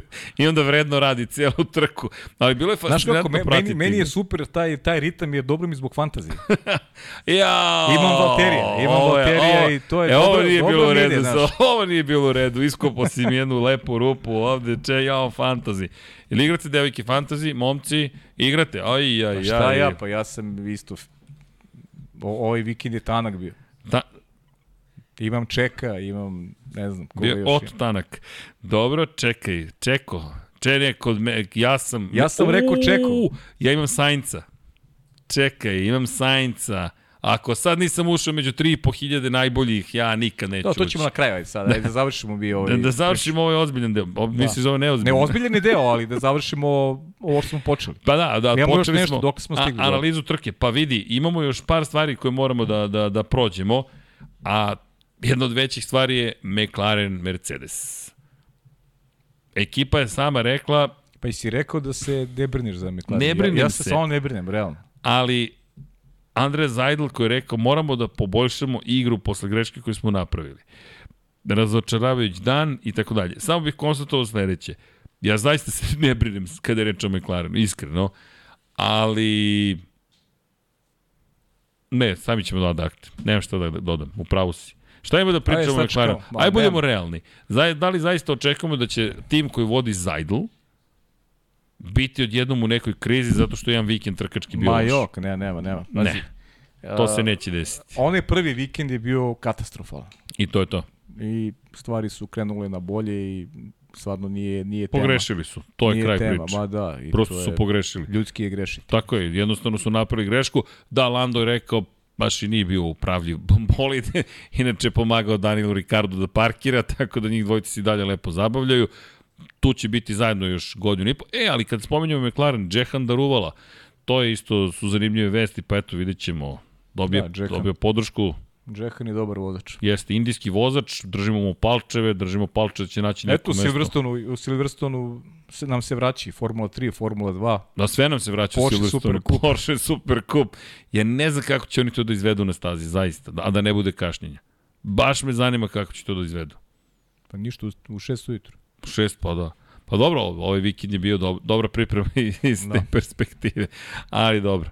Idemo dalje. McLaren, ja ne znam, jel neko ima nešto da doda po pitanju McLarena? Da li neko zaista brine? Evo recite, zaista neko brine za McLaren? Ko brine se McLaren? Ko? O, da, ona, jači zabrinuti. Ja mislim da ne morate da brinete. Lando Norris nije... Zbog Baš- Ricarda. Baš se vidi ta briga na tvom. Da, da, ozbiljna zabrinutost, ovako naslonjena vrata. Ja, ja sam zabrinut. E, ja Vidi sam zabrinut. Baš se vidi. Baš se vidi, jesi primetio. Da, da, vidim. Ne, nemojte da Vidim brinete. da mi srđa nešto nije u elementu kad ono... kad ono Ricardo. E, dobro. Da, pa dobro. Za, 11. 15. to jeste pozicija. objektivna briga za, za Ricarda. Šta će biti sa njim? To je... Pa, Ali, evo, ove, ove sad dve trke... Ovaj, mada. o- on, je, on je ispred Landa. Mada, mada, Pavle, ajmo na jednu stvar da obratimo pažnju. Ako su svi podigli zadnji kraj bolida u sklopu priprema za primjenu tehničke direktive, ne znamo, to su pretpostavke na osnovu kadrova koje smo dobili, da li će možda McLaren biti samo u problemu usled ovih izmena? Mercedes koji je rekao više nemamo problem sa poskakivanjem, sve je sada super, ali ja nisam siguran, to smo čuli u Majamiju, pa se opet desilo suprotno. Ja mislim u Silverstonu da ima da poskakivanje bude vrlo ozbiljno, ali dobro, to čisto da, da zapamtimo taj moment. I naravno imamo još nekoliko ekipa, jedna od njih jeste Alfa Tauri, koja je ostala bez bodova i ponovo nekako priča Alfa Tauriju, moglo je više, opet nije. Ja, čudo, posle, posle Monaka takav pad opet. Gasli koji je odvezao Monaku najbolju trku i onda u Montrealu opet jedna prosečna. Ne znam, baš je... Ne mogu da se setim, moram, moram ti priznam, ne mogu da se setim kako su oni radili kroz, kroz boksove, da li su koristili to besplatno stajanje, nisu, ne mogu se setim te strategije koja je bila za bila za Pjera, ali, ali generalno amplitude postoje ozbiljne Evo, ove to je godine. kolega. To je kolega. Ne, oni su menjali na početku. Na početku, Da. Sećaš onog poteza? E, da, bravo, onaj da, rani oni su, potez. o, oni Fetel, I oni Cunoda. Fetel, jel tako? I Cunoda. Da, da, da. Bilo je tu. Magnusen je morao, nije Jeste, hteo, jeste, jeste. ali je morao prosto neka malo drugačija, čudna strategija. Mm. Za nas iznenađujuća strategija, nekako delovalo da je zaista prerano to čine. A pritom, koji je u sedmom krugu dobio kaznu, da su ga kaznili u devetom krugu, imao bi besplatno stajanje i Kevin Magnussen bi možda odvezao jednu sjajnu trku. Kevin Magnussen koji u Hasu, prosto samo da konstatujemo, apropo Hasa, izgubio svaku šansu posle te kazne i rekao je, mislim da je to minorni bio problem i da, da je ovo suviše stroga kazna. Mm. Da, naravno, mislim da se Gasli javio i rekao ako to otpadne nekog će da udari u glavu i dramatično je to dosta zvučalo, ali ok, Magnussen je dobio kaznu i pomeren je se staza, Mick Schumacher ima otkazivanje motora. Ponovo. To Gle- jest gle ponovo. čuda. Gle čuda, da, gle čuda i ponovo izgubio šansu da osvoji prve poene u karijeri. Ovoga puta stvarno ne mogu nešto preterano da kritikujem Mika Schumachera, mislim da uradio sjajan posao. E da inače Gasly zbunio se u Azerbejdžanu je bio peti. Azerbejdžan, ja sam rekao Monako, Znam, bravo. Šta misliš, kako u Monaku? Da, da, da. ali dobro. Azerbejdžanu, da. Ali, ali dobro, peta pozicija u Baku, sada opet Pa bez... slično, Monako, Azerbejdžan. o, voda je neka tu, ne, Da. neka površina vodena, ali, ali dobro. I naravno Williams koji u jednom trenutku je Albona imao koji E, pristojno Albon je bio dobar, zaista. da, Albon se borio u kvalifikacijama, e, to je vozač. B- Baš je Što u vozač. kvalifikacijama se dobro borio onim problemim vremenskim uslovima, onda u trci. Ma nema, Albon je...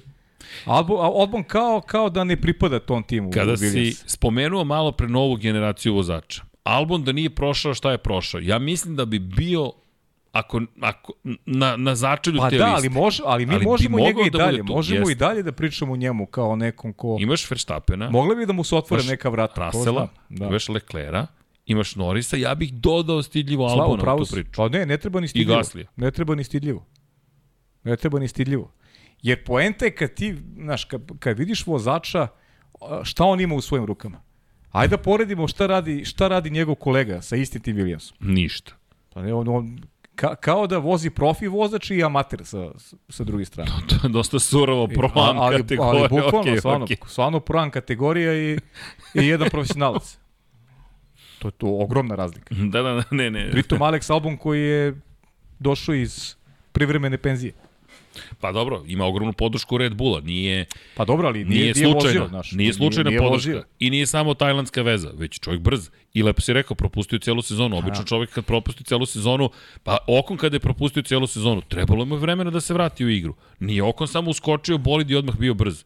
Jeste. Baš je zaostajao u prvoj sezoni i tek u drugoj se vratio na nivo koji, evo, danas ima, možda je ovo najviši nivo na kojem smo videli Okona, koga opet nekako izbacili iz te grupe. Esteban Okon ima neku čudnu reputaciju, a brzi. Čovek je sedam puta osvajao poene ove godine u devet trka. I sve ih je završio. To je ono što je fascinantno Tako je. kod Estebana Da. Okona.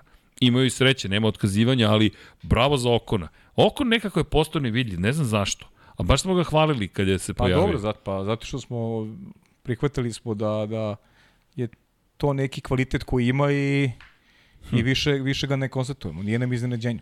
Zato. Da, moguće. A ima veći fokus ima ovaj kolega sa druge strane garaža. Dobro si nas izvukao. Pa ne, Dobro si nije, nas nije mi to bio cilj, stvarno. Ja moram ti priznati, meni Okon nekako je potpuno van fokusa. To je, to je moja greška. Pa znaš kada smo najviše pričali o njemu, ono kada se trkao sa Alonso.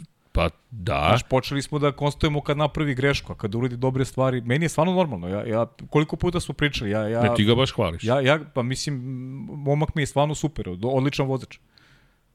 ti ga baš radi, hvališ. radi, Pa to je, radi sjajne stvari. Da, razmišljam ti, ako nekoga spominješ, to jeste Okon svakako.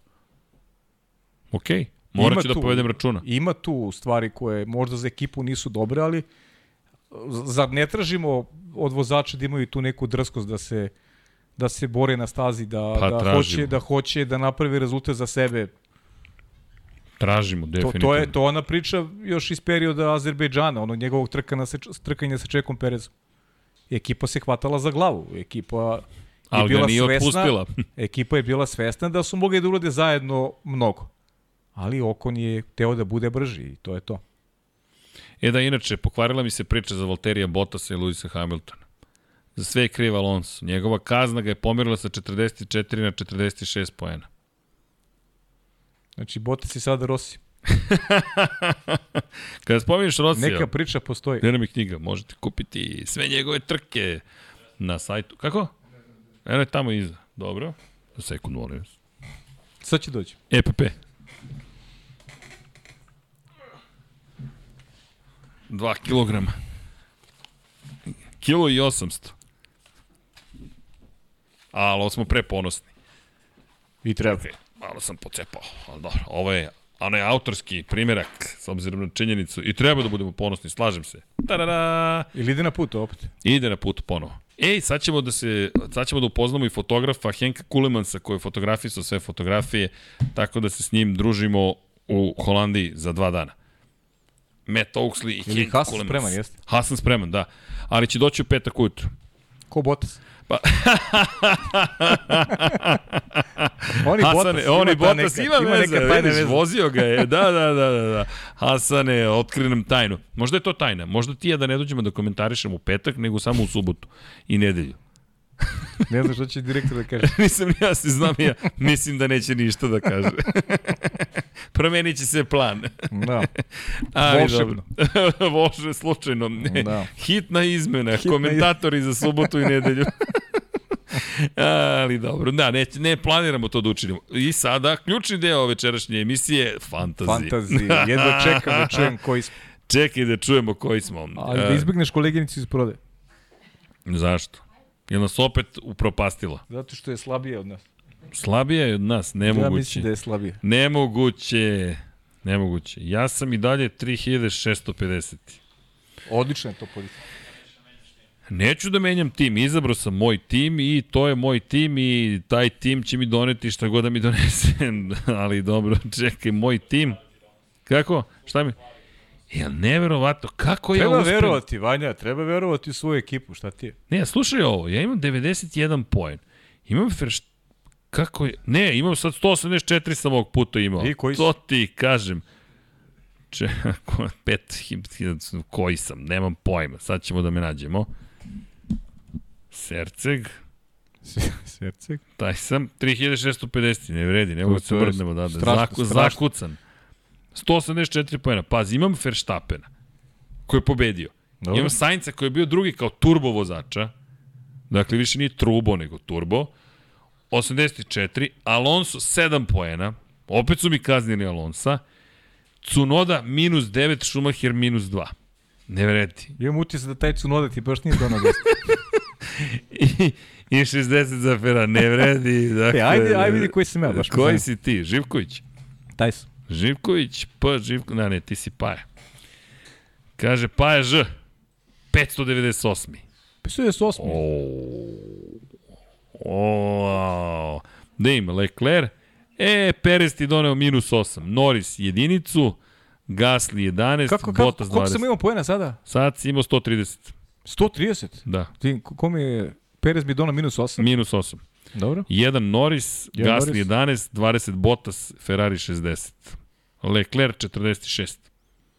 Dobro, Ok nije loše. Ok, su. nije loše. E, u, slušaj ekipu, Paja i Srki Kraljevi. To Nedo, pozdrav za Nedu koji je na... Ne, ne, ne, ili- ne, ne, ne, au, Au. au, minu, uf, i Šumacher i Perez u ekipi. Teška tema, dobro, ali dobro vam, dobro vam je naziv ekipe. Čekaj da vidimo, gde nam je koleginica iz prodaje? Koleginica iz prodaje. 148. 148. Da. Opa, pala si, a? Ne, sad se popravila, bila je, bila je, Op, kako se popravilo? prošle nedelje je pala. A prošle nedelje Da, pala. da, ali Perez je uništava. Minus 8 na Pereza.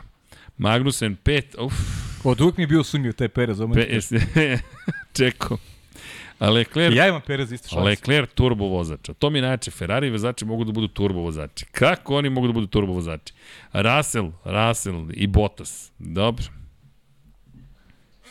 Dobro. Neću ništa da komentarišem. A, devojke, vi koje ste? Bolje da ne pitam. Jeste ispod 4000 tog mesta? Najzad neko gori od mene u studiju, aplauz, opa! To ti. Hvala. Hvala na podršci koju pružate tokom svih ovih teških dana. Neko gori od mene u studiju, pa ovo je stvarno da proslavim. Ovo je fantastično. Ivane, vi koji ste? 2500. Ah, oh, u redu je. u redu je. u redu je. Vanja ne igra, ali dobro, to ćemo Srki, ni ti, ja. naterati. Ali da, Kako? da. Aha, da. E sad, imamo jednu vrlo E, ozbiljnu on ima Norisa, verovatno. Imaš Norisa. Imamo jednu vrlo ozbiljnu temu, ljudi. Tema zvana Pa i ja se ne slažemo. A, Juri Vips. Juri Vips. Ili možda se ne slažemo, nemam pojma, možda se i slažemo. Juri Vips je dobio suspenziju iz svih daljih aktivnosti i takmičenja za Red Bullov program. Juri Vips je inače vozač Formule 2, vrlo talentovani vozač, estonac koji, od koga smo, koga smo videli u bolidu Formule 1 u Španiji, u treningu broj 1, bukvalno umesto Serhije Pereza. To vam govori koliko podršku Juri Vips je uživao Red Bulla. Juri Vips je tokom streamovanja, ne znam bolji glagol, ako neko ima bolji glagol za streamovanje, neka pomogne, na Twitchu izgovorio rasističku reč, upotrebio je reč na slovo N, jel te, na engleskom jeziku i to je bilo u trenutku kada je sa Liamom Lawsonom vozio u tandemu. Naravno da je to svanulo odmah na svim mogućim društvenim mrežama, Red Bull je reagovao manje više trenutno i suspendovao uz reči da ne odobrava nikakve rasističke reči, niti tu vrstu komunikacije i da do daljnjeg Juri Vips se neće takmičiti. Ja ne vidim da će Juri Vips ikad više voziti za bilo šta što ima oznaku Red Bulla. Mislim da na korporativnom nivou to e, prekršaj takve veličine da će biti zaista isključeni svih daljih aktivnosti i naravno sad dolazimo do do jednog kulturološkog momenta. Mi smo imali sličnu situaciju u Naskaru. To, to ste da ti kažem. Isto što sam pričao za Kyle Larsona mogu da ponovim i ovog puta. Molim te. Pa mislim da, znaš, I ja ću ponoviti biću, vratno isto. biću eksplicitan, a neću, da ne želim da bude, znaš. Mislim da to nije za takvu vrstu kasne. To je nešto to što ovaj, iz mog ugla a, ne karakterišete a, kao rasistu tako nešto, razumeš? Znaš, mislim, to, to je neka igrica, to je, to je neka šala, neka, znaš, mislim da, da nije za tu vrstu kazne, to se priča za Kyle Larsona. Kyle Larson među vremena postoji šampion Naskara. Vraćen je Inače, on je direktno se obratio Baba Volasu, koji Pritom jeste... Baba Volas koji je njegov prijatelj, Tako koji je, je rekao, Afroamerikanac. Ko, afroamerikanac koji je rekao da, da je to bila šala, automatski je podržao kolegu. Međutim, ta suspenzija je ostala. Ta suspenzija je ostala jer Celu sezonu. jer ovaj svet igra neke doktrine i ovaj a, nameće neke, neke vrednosti koje, znaš, e, ne mogu da ih prihvatim do kraja, jer sama ta reč meni nije, nije, nije odlika, nije rasistička, razumeš? Mislim, ne, ne vidim kao, kao rasizam i ne vidim da treba na taj način da se neko, da se neko procesuira i da mu se uzima hleb e, tako što ćeš da ga ostraniš, ali dobro, to je samo samo moje se ne- tu to se je ne samo slažemo, moje da. gledanje. Ja mislim Da. da. to nije za za takvu vrstu za takvu vrstu reakcije. Moj pogled je... Ok je kazna neka, ok je da nekom daš daš šansu da se izvini i da ga kazniš, a da ga ostraniš. Da mu kažeš ti nisi više deo, mislim da je to da je to preterivanje. E, ima tu, tu sad ima par, par stvari. Ja imam pot, suštinski suprotan pogled na to. Ti kao javna ličnost imaš mnogo veću odgovornost. Ti živiš život koji mali broj ljudi može da sebi priušti i da živi. Ti si taj koji daje primer drugima kako da se ponašaju. Ja se slobom slažem u sledećem. Da smo mi sada u nekoj kafani i ti mene vređaš na nekom nivou koji je rasni, nacionalni i tako dalje, to je neki odnos između tebe i mene ali ako si ti na Twitchu, u streamingu, pred hiljadama ljudi, tebi se klinci, klinke dive, ti si taj koji predstavlja što sebe, što ekipu, što robnu marku, što svoje sponzore, porodicu, kuću, ne znam nija kako, odakle da krenem, tvoja odgovornost je automatski mnogo, mnogo, mnogo, mnogo veća. Težina naših reči, htjeli mi to da prihvatimo, priznamo, Jeste. je mnogo veća. Ovdje gde sedimo ti ja, težina naših reči jeste, a negde na nekoj aplikaciji, neki Twitch, Ali nešto, nemam nije, pojma. Pajo, promenio Znaš, se svet. Ok, promenio, Promenio se, se svet. Ok, promenio se svet, ali mislim da je ovo radikalno previše. Ali vidi, Radikalno, radikalno, jer ajde, uć- ućemo sad u nešto što se zove globalna politika i sva neka globalizacija, neke gluposti koje se dešavaju, Ali vidi- mislim da ovu planetu čine, Ali ja mislim čine da gorom, a ne nije- boljom. Znaš, ali, to je... ali zavisi, pazi, globalizacija ima dobre ja strane, mislim, ima da treba, loše ja mislim strane. da treba raditi na, na smanjivanju u tenzija, na smanjivanju tenzija, a mislim da se tenzije na neki na, na, na upravo, upravo sa takvim pričama se samo rasponsavaju. Ali, Ne smanjivaju se. Ja, ja, meni je to, to što on uradio. To čak nije ni vest. Ne, ne, Iz mog vidi, ugla, nije ni vest. Ali iz moje perspektive jeste zašto? Za, upravo zbog toga, to je Juri Vips. To je čovek koga neko gleda i posmatra ga, i posmatra ga kao primer, kao uzor. I, taj, i neko, da li se mu se omaklo? Vrlo verovatno. Ja ne vidim Jurija Vipsu nužno kao rasistu, ali tebi se omaklo nešto što je nažalost postalo deo žargona Problem jeste upravo u tome, ako normalizujemo žargon tog tipa, doći ćemo do toga što se često sreće ne u društvu. možemo da ga uradimo na silu, znaš. I ne Ali- možemo da primenjujemo da primenjujemo krajnje granice prema nekome ko je, ko je, ko je bezazleno. Suštinski Ali bezazleno. pitanje, pazi, ono što je to pitanje, ja, ja Mislim da je, ne da, mogu da mislim da, je budem- priča da je priča mnogo kompleksnija od toga jeste, kazniti Jurija Vipsa, naš. ali, vidi, ali pa je sledeća stvar, ako ti nešto izgovoriš, dakle na nekom nivou koji, na primjer, mi sad pripadamo svi nekim grupama, Srđane, e, sam, i sam izgovorio prošle godine u, u prenosu nešto što je neprimereno. pa jeste, ali ovo nije Il, pitanje, il, moglo, il moglo da to bude i gore nego što sam... ali nije, nije za, Ali čekaj, samo ti pitam, li moglo da bude i gore? moglo je, Moglo je da bude i gore. ali nije. Ok, nije, ali moglo da bude gore. Moglo je, ali I Pavle, čekaj sad, i da je bilo gore. I da je bilo gore. Ok, neku kaznu sam za to zaslužio. Je li tako? Da li sam ja suštinski e, e, to što, što me neko karakteriše u tom momentu ili nisam? ali To, to, je sad nije, neka druga strana. ali to više je neka nije dru... pitanje tebe. Pa znam, ali, ali, To- ali, to pitanje kažem. naš, e, te društvene mreže i te silne, Ali te vidi. su, silne gluposti kojima se mi bavimo, A nije. naćiš na dnevnom nivou, na dnevnom nivou, ćeš naći uh, koje kakve ovaj, budalaštine koje su za, za ukinuti ih zauvek. Tako je, Ali, ali, ćemo da se uhvatimo ali zašto? on je Jurija javna Vipsa- ličnost. Ali, mislim, Ali, ali ličnosti. vidi, vidi, Pajo, Svi su javne ličnosti koje se pojavljuju na, na svi su oni javne ličnosti. Koji se pojavljuju na, svi su oni postali javne ličnosti. tako je. I šta god izgovorimo nede, to je, to je javno. I neko može te sluša, ne mora te sluša, može da te sluša. Jeste. Ako te sluša, može ti nađe nešto što si ti, Vidi, što si ti i da se uhvati, i da se uhvati za to. Uvek može, ali postoje neke stvari koje ne možeš da pređeš. Pogotovo ako si prihvatio da Slažem budeš se, kazna, javna ovo, ličnost. ovo je suviše, ovo je suviše radikalno. Ali vidi, to je sada gde hoću da se vratim. Dakle, ajmo, ajmo redom samo. Dakle, prva stvar, mi govorimo o pripadnosti nekim grupama. Da li su etno, nacionalne, rasne, verski i tako dalje. Nekoga će to sigurno uvrediti. Dakle, mi moramo da vodimo računa. N- Zato kafanski, normalizovanje kafanski govor. E sad u kafani ja pričam ovako, mogu i javno tako pričam. Ne možeš tako da pričaš. Tako dobijemo društva u kojima živimo upravo. Da li je Vips kažnjen ispravno ili neispravno. To čak više nije ni, post, ni pitanje. On je čovek sebe doveo u situaciju koja je bezizlazna, zato što to ne smeš da dozvoliš da se desi. Da li si ti u pravu da se mnogo toga dešava što ne bi trebalo? Još gore, na što se ne, ja reaguje? ti kažem Apsolutno. samo za, za, nisam za radikalizaciju, jer to meni nije za ostranjenje iz, iz neke priče, kao što sam govorio i za Kyle Larsona isto. Ono što ja Ja Umeđu mislim... vremenu je taj Kyle Larson postao i šampion NASCAR. Jeste. On je, to je, i, Ali- i vidi se po tome da je to bilo kao, ajde, Ali da li je onda odstranjen?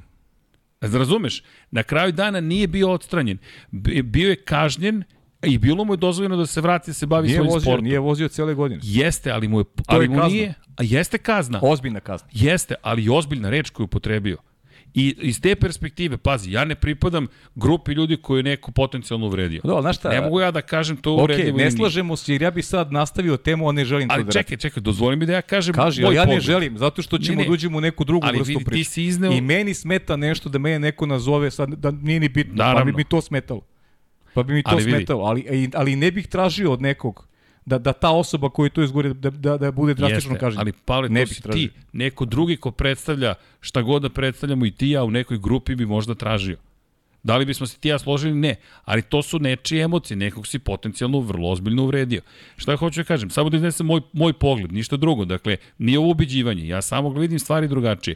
Ti si potpisao ugovor. Živiš jedan vrlo privilegovan život. Ti si jedan od 25-30 vozača na svetu koji je u Formuli 2. To donosi odgovornosti. To je kao deca. E, ja sam dete, meni je dozvoljeno. Ne, ne, ne, ne. Ti si sada odrasla osoba. Imaš odgovornost, imaš obaveze. I ovo je jedna odgovornost koju si ti prihvatio. Ako se ne slažeš sa njom, reci ja se s tim ne slažem, neću tako da se ponašam. To je vrlo precizno definisano. Čak i da skrenem sa ce- cijele situacije kulture, tvoj ugovor kaže to nećeš reći. To nećeš uraditi. Ne znam, ja nisam učito ugovor, pravo ti prekršio, kažem, pazi, ne znam. prilično sam siguran u korporativnom svetu Ali- Red Bulla i ostalih, i ostalih timova da to stoji. Ali šta hoću da kažem? Vidi, Čak, čak imam jednu drugu, jedno drugo zapažanje za Jurija Vipsa. E, Da li bi bio ostranjen e, da nije završio u zidu u prethodne četiri trke? Ma ja mislim da bi bio odstranjen 100%. Pa je, to je reč koju ne možeš da upotrebljavaš. Ne možeš, zato što, pazi, uh, nevažno je, ta reč je sama po sebi, definicija nje je uvredljiva. Da li je koriste pripadnici određene grupe između sebe, to je njihovo pravo. To nije meni dato pravo da to upotrebim kao javna, kao javna ličnost. Druga stvar, ko zna koga, kog ekstremistu će da pobudi da normalizuje svoje ponašanje time. Jer to je naša odgovornost, da vodimo računa i o ekstremnim ljudima koji će time što sam ja nešto izgovorio, pa evo, Istrzan je to e, rekao, ne onda to okej. se oko kazne, znaš.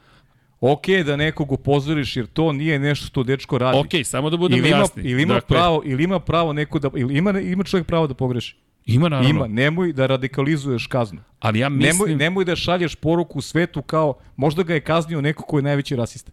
možda, Možda ali ga kazni pazi, neko ali najveći poruka rasist. je jasna, nemoj to da radiš. Poruka, poruka možda bude i drugačije formulisana, nemoj to da Dobro, radiš. dakle, samo da, Ovo je samo da, suviše radikalno. samo da konstatujem, dakle, Za nije u pitanje kome živimo, to je suviše radikalno. da li je on zaslužio kaznu, nego koja je kazna. Samo ti kažem da, da ne možeš da ostraniš čoveka iz sporta zbog toga. Ali, naprotiv, Ist, ista možeš. priča kao Kyle La- Larson. Ja sam to pričao i tada, sad ulazimo mnogo u... Ajde, ne, ajde da završimo znam, ali priču. vidi, vidi. Ne slažemo se srđeni to je to. Ali vidi, samo da konstatujemo, ne slažemo se oko same kazne. Pa da, pa ne slažemo se i to ono je to. što je poenta, dakle, čisto da se razumemo, pošto da ne ispadne sad rasizam, prorasizam, antirasizam. Pa niko ovde ne- nije pa- rasista. Apsolutno niko. Ne, kažem Nama ti, ne je to da neprihvatljivo nekoj- ponašanje. Ja ti kažem, e, ja sam napravio grešku koja mogla da bude i iskuplja. Pa znam, I ali bio bih svestan svoje bio bih svestan svoje greške, prihvatio, prihvatio bih e, prihvatio bih svoju sudbinu, razumeš? Pavle, Ali je ovo radikalno. ali ti nikad, vidi, To je radikalno. koliko god postavljao stvari iz te perspektive, ja, znamo se 30 Pa znam, ali godina. mi se znamo. Nikad nisi izgovorio neke Pa stvari. dobro, nisam, Nikad. ali- Nije ali ti postojala kažem- šansa da mikrofon bude upaljen i da ti izgovoriš ono što Pa izgovorio Kyle Larson ili ono što izgovorio Juri Vips. I to je poenta. Tebi to ne može da se omakne. A dobro, ne može da mi se... Pa, Može nešto e, drugo ti se omakne. Pa moglo je da, moglo je da Moglo se je nešto drugo. Može moglo ti da se opsuješ. Ali jedno je psovka, drugo je kad ti konkretno Slušaj, koristiš neku terminologiju vreme, za, vreme, za celu grupu vreme, ljudi. Vreme u kojem mi živimo je potpuno ludo u smislu da tebe stalno neko negde sluša. I ti se stalno negde nekom obraćaš. I oni koji ne rade javni posao nekom obraćaju. I u toj celoj On priči, u tom posao. magnovenju, u tom magnovenju, ljudi svašta izgovore. Jeste, ali on I radi nema- javni posao. I to nema nikakve veze sa nečim što se zove globalna priča. Ali on radi javni posao. On je javna ličnost. Svaki sportista nije- profesionalni okej, je javna ajde, ličnost. Ajde da završimo, pošto Ne, ne, ti znam, imaš znam. jedno, ja imam drugu Ne, priču. ali s- Znači, meni se ne sviđa i neću nikada podržim da neko tako bude radikalizovan zbog nečeg što nema tu vrstu, što ne može da bude tako maksimalna kazna. Ne može da bude tako drastična kazna. Da ti nekom uzmeš ono što on gradi ceo život, ulaže ceo život u to i ti da mu oduzmeš potezom gumice jer napravi jednu Ali grešku. da li ćemo To oduzeti? je, to je mnogo. Ali, ali Srđane, Kyle Larsonu nisu tako je oduzeli. formulisano. Ali, vidi, Čekaj, to je, tako je formulisano. Ali to je trenutak sada. O, ja ti, E, e pa čekaj onda, da li je onda iskrena kazna ili nije? Ili on, e, šta, šta ti radiš onda ali nije, kaznom? nije, stani, stani. Da li se Kyle Larson onda pokajao i rekao, ej ljudi, pogrešio sam? Pa, normalno da se pokaje. Naravno, da li Normalno ćemo, se ali zar onda kazna nije efikasna? Ako se neko Da osjeća će- uvređenim, ti se izviniš i ideš dalje. E, ali stani, stani. Kyle Larson je osetio, e, ovo nije dobro. Ovo što sam uradio toliko nije dobro izazvalo je ovakvu reakciju. I moje pitanje je sledeće, to bih volio da pitam Larsona, da li ti je pomoglo to što su te kaznili toliko ozbiljno, a opet te nisu isključili iz sporta? Ti si se vratio u taj sport i postao šampion. Možda ga Drugačija je čak priča. i motivisalo. Drugačija je priča. Ali čekaj, ajde da vidimo. Drugačija je priča NASCAR i sistem Formula 1, to su nebo i. A, vidi. Drugačiji sistem. Ali opet, ajde da vidimo šta će Juriju Vipsu Juri doneti Vips, budućnost. jedne godine ga nema, to je gotovo. To je kraj. On više nema nike šanse u Formula 1, to je kraj. Za Formulu 1 Pa vrlo nema, nema verovatno. više, nema vrlo više verovatno. La, la, uh, uh, ovo je NASCAR je zatvoreniji krug i, i tebe i da nema, vratiš se, tu si prosto. To Znaš je kako? jedno takmičenje gde nema mnogo, nema mnogo vozača koji su na, na nekom čekanju. Ali ako je to takvo takmičenje i ti znaš pravila igre, moraš da vodiš računa. Šta god mislio, moraš da vodiš računa. Prosto to su pravila igre. To ti je, jednostavno znaš o čemu pričam. Pravila su igre. Da, Nije to pitanje fair, ne fair. Pa je li fair bilo prema nekim momcima koji su super puta milion talentovaniji, pa nisu prosto imali pravu podršku? Nije. Nije pitanje Mislim fair, ne da fair. to su skupa- pravila igre. skupa kazna. Jeste. Ali ajde vidimo i šta će Skupa doneti budućnost. I ja bih volio da čujem Luisa Hamiltona šta ima da kaže na temu. Jer on je jedini u celoj toj priči koji može da kaže, ej ljudi, ja to ovako posmatram. Jer mene nisi uvredio direktno. Meni je to ružno. Katastrofa. Zašto to koristiš kao terminologiju? Pokušaj to da izbaciš iz svog rečnika. Nemoj da normalizujemo te stvari. Ne u javnom životu. U kafani. Evo ga ljudima priča šta će radi u kafani, neće u kafani. Pogotovo sa svojim drugarima. A čak i tamo mi je neprihvatljivo. Ali ovo je javni život. Hteo neko to da prihvati ili ne, on je ušao u sferu javnog života. Ali tu se razlikuju samo naše mišljenja. Razlikuju se u tome da, kažem, ti, Jest. uzmeš nekome ono što gradi ceo život zbog jedne greške. To je, znaš, to je Fakat, Smešno. sk- skupo je, Smešno. ali moraš da vodiš računa o tim stvarima. Vidi, slažem se, ko zna šta mi možemo da izgovorimo ponekad da se To što sam iznerviraš. ja pričam, pričam stalno, uh, sportiste uh, stavljati mikrofone na, na borilištima. Pa to je, To ne. to je najveća glupost koja se de, dogodila ikada u modernom sportu. Najveća glupost. Tamo gde radi adrenalin, gde si, gde si pod pritiskom, gde, gde hoćeš da pobediš. I onda ti se meri neka reč gde, koju si izgovorio na borilištu. To je...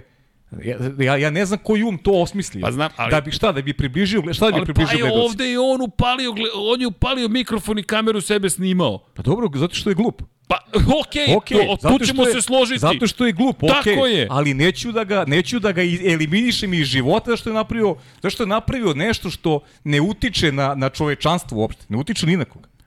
Na koga utiče to Vidi. više? Srđane, na koga to više utiče? To, to je ta globalna politika koja onako uh, u- ubija u pojam, znaš, sa, sa ne znam, Uh, sad ću da uđem duboko, Duboko, znači, inspirišeš me da ulazim, neću da ulazim u Ne, to. nećemo. Neću Neke da ulazim u to, stvari nema potrebe. prosto ali neke- svet je ušao jednu, jedno takvo globalno rasulo da se mi bavimo stvarima koje veze s mozgom nemaju.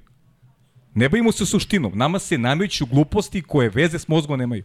I onda ćemo se bavimo Jurijem Vipsom, dečko koji je napravio koji je napravio Glupost. glupo, ok, I- I, nije tema. Katastrofa I mi se bavimo time. Znaš šta Ali- je sve tema?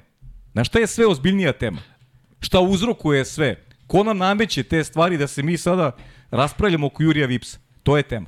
Ali vidi, vidi, vidi. To je ozbiljnija tema. Znaš, Dobro, to mnogo je, ozbiljnija tema. Ali vidi, ovo što je uradio ne može da bude prihvat, prihvatljivo. Ne može da bude ok, ali, ali nije priča za čo, čoveka eliminišeš iz, iz, iz, iz sfere, eliminišeš ga iz posla zbog... Pa ne može tako.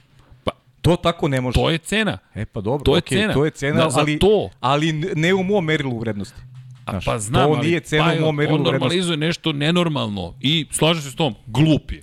Evo, Okej. bukvalno glup je. A on je glup za Glup sebe. je i to Ajde da ga kaznimo, uzet ćemo, mu, uzet ćemo mu od primanja, uradit ćemo nešto i ako, se, ako, ako ne nauči lekciju, može. onda ćemo da ga eliminiš. Kako ne može? Otišao je Pa predaleko. može, vrlo lako može. Ali ja ti garantujem da on u ugovoru ne, ne potpisao to neće da ne uradi. postoji čovek koji je napravio grešku. Ma naravno, praviš greške. A, ali ali ne treba, ne treba radikalno da primenjuješ kazne. Bojim To se je da to. je uradio nešto što je bukvalno po trenutnom standardu, po bilo kom standardu. A ko nameće standarde? Pa, ko, pa svih zajedno namećemo. Pa svih zajedno nameće, pa ajmo da ih nametnemo da ti standardi bu- budu malo drugačiji, da budu malo da budu malo prihvatljiviji. Pa vidi, Da budu malo da postoji standard zaista. ali vidi, vidi, to je sad pitanje za celu grupu Ko ljudi pravi koje on greške? Potencijalno ko pravi uvredio. greške, znaš? Kompleksna tema, slažem se. A ne, Samo ne da je kompleksna, nego, smatram- nego treba pričamo na nekom Apsol- onako drugom nivou. upalio je mikrofon, upalio je kameru, upalio je nešto što nije smeo da izgovori, posledice postoje. Ja ti garantujem da mu piše u ugovoru ono što što pričamo ne čitao, možeš stvarno. to da izgo... nema šanse pa znaš koliko korporativnih ugovora su vidio nema teorije da takva kompanija nema ej antirasizam anti ovo anti ono nema spominjanja tih stvari ti se time više ne baviš. To ti je cena za ono što radiš kao svoj posao. I bit ćeš plaćen i bit ćeš poštovan i dobit ćeš priliku. Ali ovo su pravila igre koje moraš da ispoštuješ. Prekršio je pravilo igre. Dalje igra ovakva ili onakva on ga je prekršio. Ok, ajmo na drugu temu. Od- Nismo se ovdje složili, idemo dalje. Da, ali ok, i, imate komentare, ne Ma znam ne, ja, iznesite da, mišljenje pa ako da. hoćete, ako želite, ono, šta, većina se slaže sa Pajom. Dobro, ja stojim pri mom stavu. Kako? Jeste prvi ispod ove, ovog tipa. Pa da, ma mislim nebitno, aj sad ulazimo, Vidi. ulazimo u neke priče koje Nije važno ko se s kim slažu, Samo da- mi samo samo ne- bih jednu poruku jer, jasno da jer, stavim. mi se mi se mi se Mi se ne slažemo mi kako se boriti tako je, protiv rasizma, da. ako Ali je rasizam. Ako je to Ja se ono ja je se ne slažem sa primenu sa kaznom. Znači, ne možeš čoveka da eliminišeš iz života ili napravio grešku, ljudi. Svi smo, svi grešimo. Gre, greši se na, na mnogo višem nivou od toga što radi Juri Vips. Pa mi, mi i živimo ovo, sad sam, da mogu kažem jednu reč, i živimo ovo zbog toga, zbog toga što, Okej. ne, što neki drugi serviraju pravi milion gluposti i mi živimo to što živimo. Dobro, ali I sad ćemo se bavim Juri Vipsem. Pa Ali ljudi, vidi. Juri Vips je promašena tema. Ali- a- momak, momak je benigan u cijeloj priči. I sad ćemo da mu oduzmemo, oduzmemo uh, život koji ima. Zbog toga što to je izgovorio. To je, to je takva budalaština da, da, je, da ne, nemam ni komentar na to. Ja sam nemam ni komentar na to. To je budalaština. vidi, kultur... Klasična budalaština. Razumeš? Kako? Zar Vipsa? Drug snimio. On je čovjek streamovao samog sebe zajedno sa Liamom Nema Lawsonom. veze, ne bi. Da snimio je drugar. Pa vidi, sad ne znam, možda imam poprečnu informaciju. Ako ga je snimio drugar i to postovo, nije mu neki drugar. Odmah da, da, se ne, razumemo, mislim- jer ako je to bila kafanska priča, to to ostaje između njih, to je lupe. Kažem, da, da ne bude sad naš... E, da, nije smeo da kaže, nije smeo da kaže, sve okej. Ne znam, znate Kazna. bolje od nas, to je poslednja vest Ka- koja je došla kazna. pre podcasta. Kazna da bude takva, ne može da bude takva kazna i to je to. Vidi, ali to otvara dijalog, otvara temu i ono što... Pa, ajmo par stvari. To se priča sa čovekom. To se, ćemo opet, nećemo da nastavimo sa opet. ček, ček, ček, ček. Ućemo, otićemo ne, mnogo stani, daleko. Dozvoli mi, A stani. zaigrao sam se sada. Čekaj, Pajo, stani, dozvoli mi da završi rečenicu, stani, vidim da sam potpuno sa- stani, sekund, sekund. Dakle, hoću nešto drugo da kažem. Od početka, šta pričamo u Infinity Lighthouse? Nema rasizma, nema osude po boji kože, veroispovesti, naciji, bilo čemu. Poenta je kakav ste čovek, poenta je kako se ponašate. Ono što je poenta cele priče, hoćemo pričamo lepe priče, hoćemo da pričamo i teške priče, nećemo bežati od njih, suočit ćemo se sa njima. Ali poenta u tome da ćemo da razgovaramo.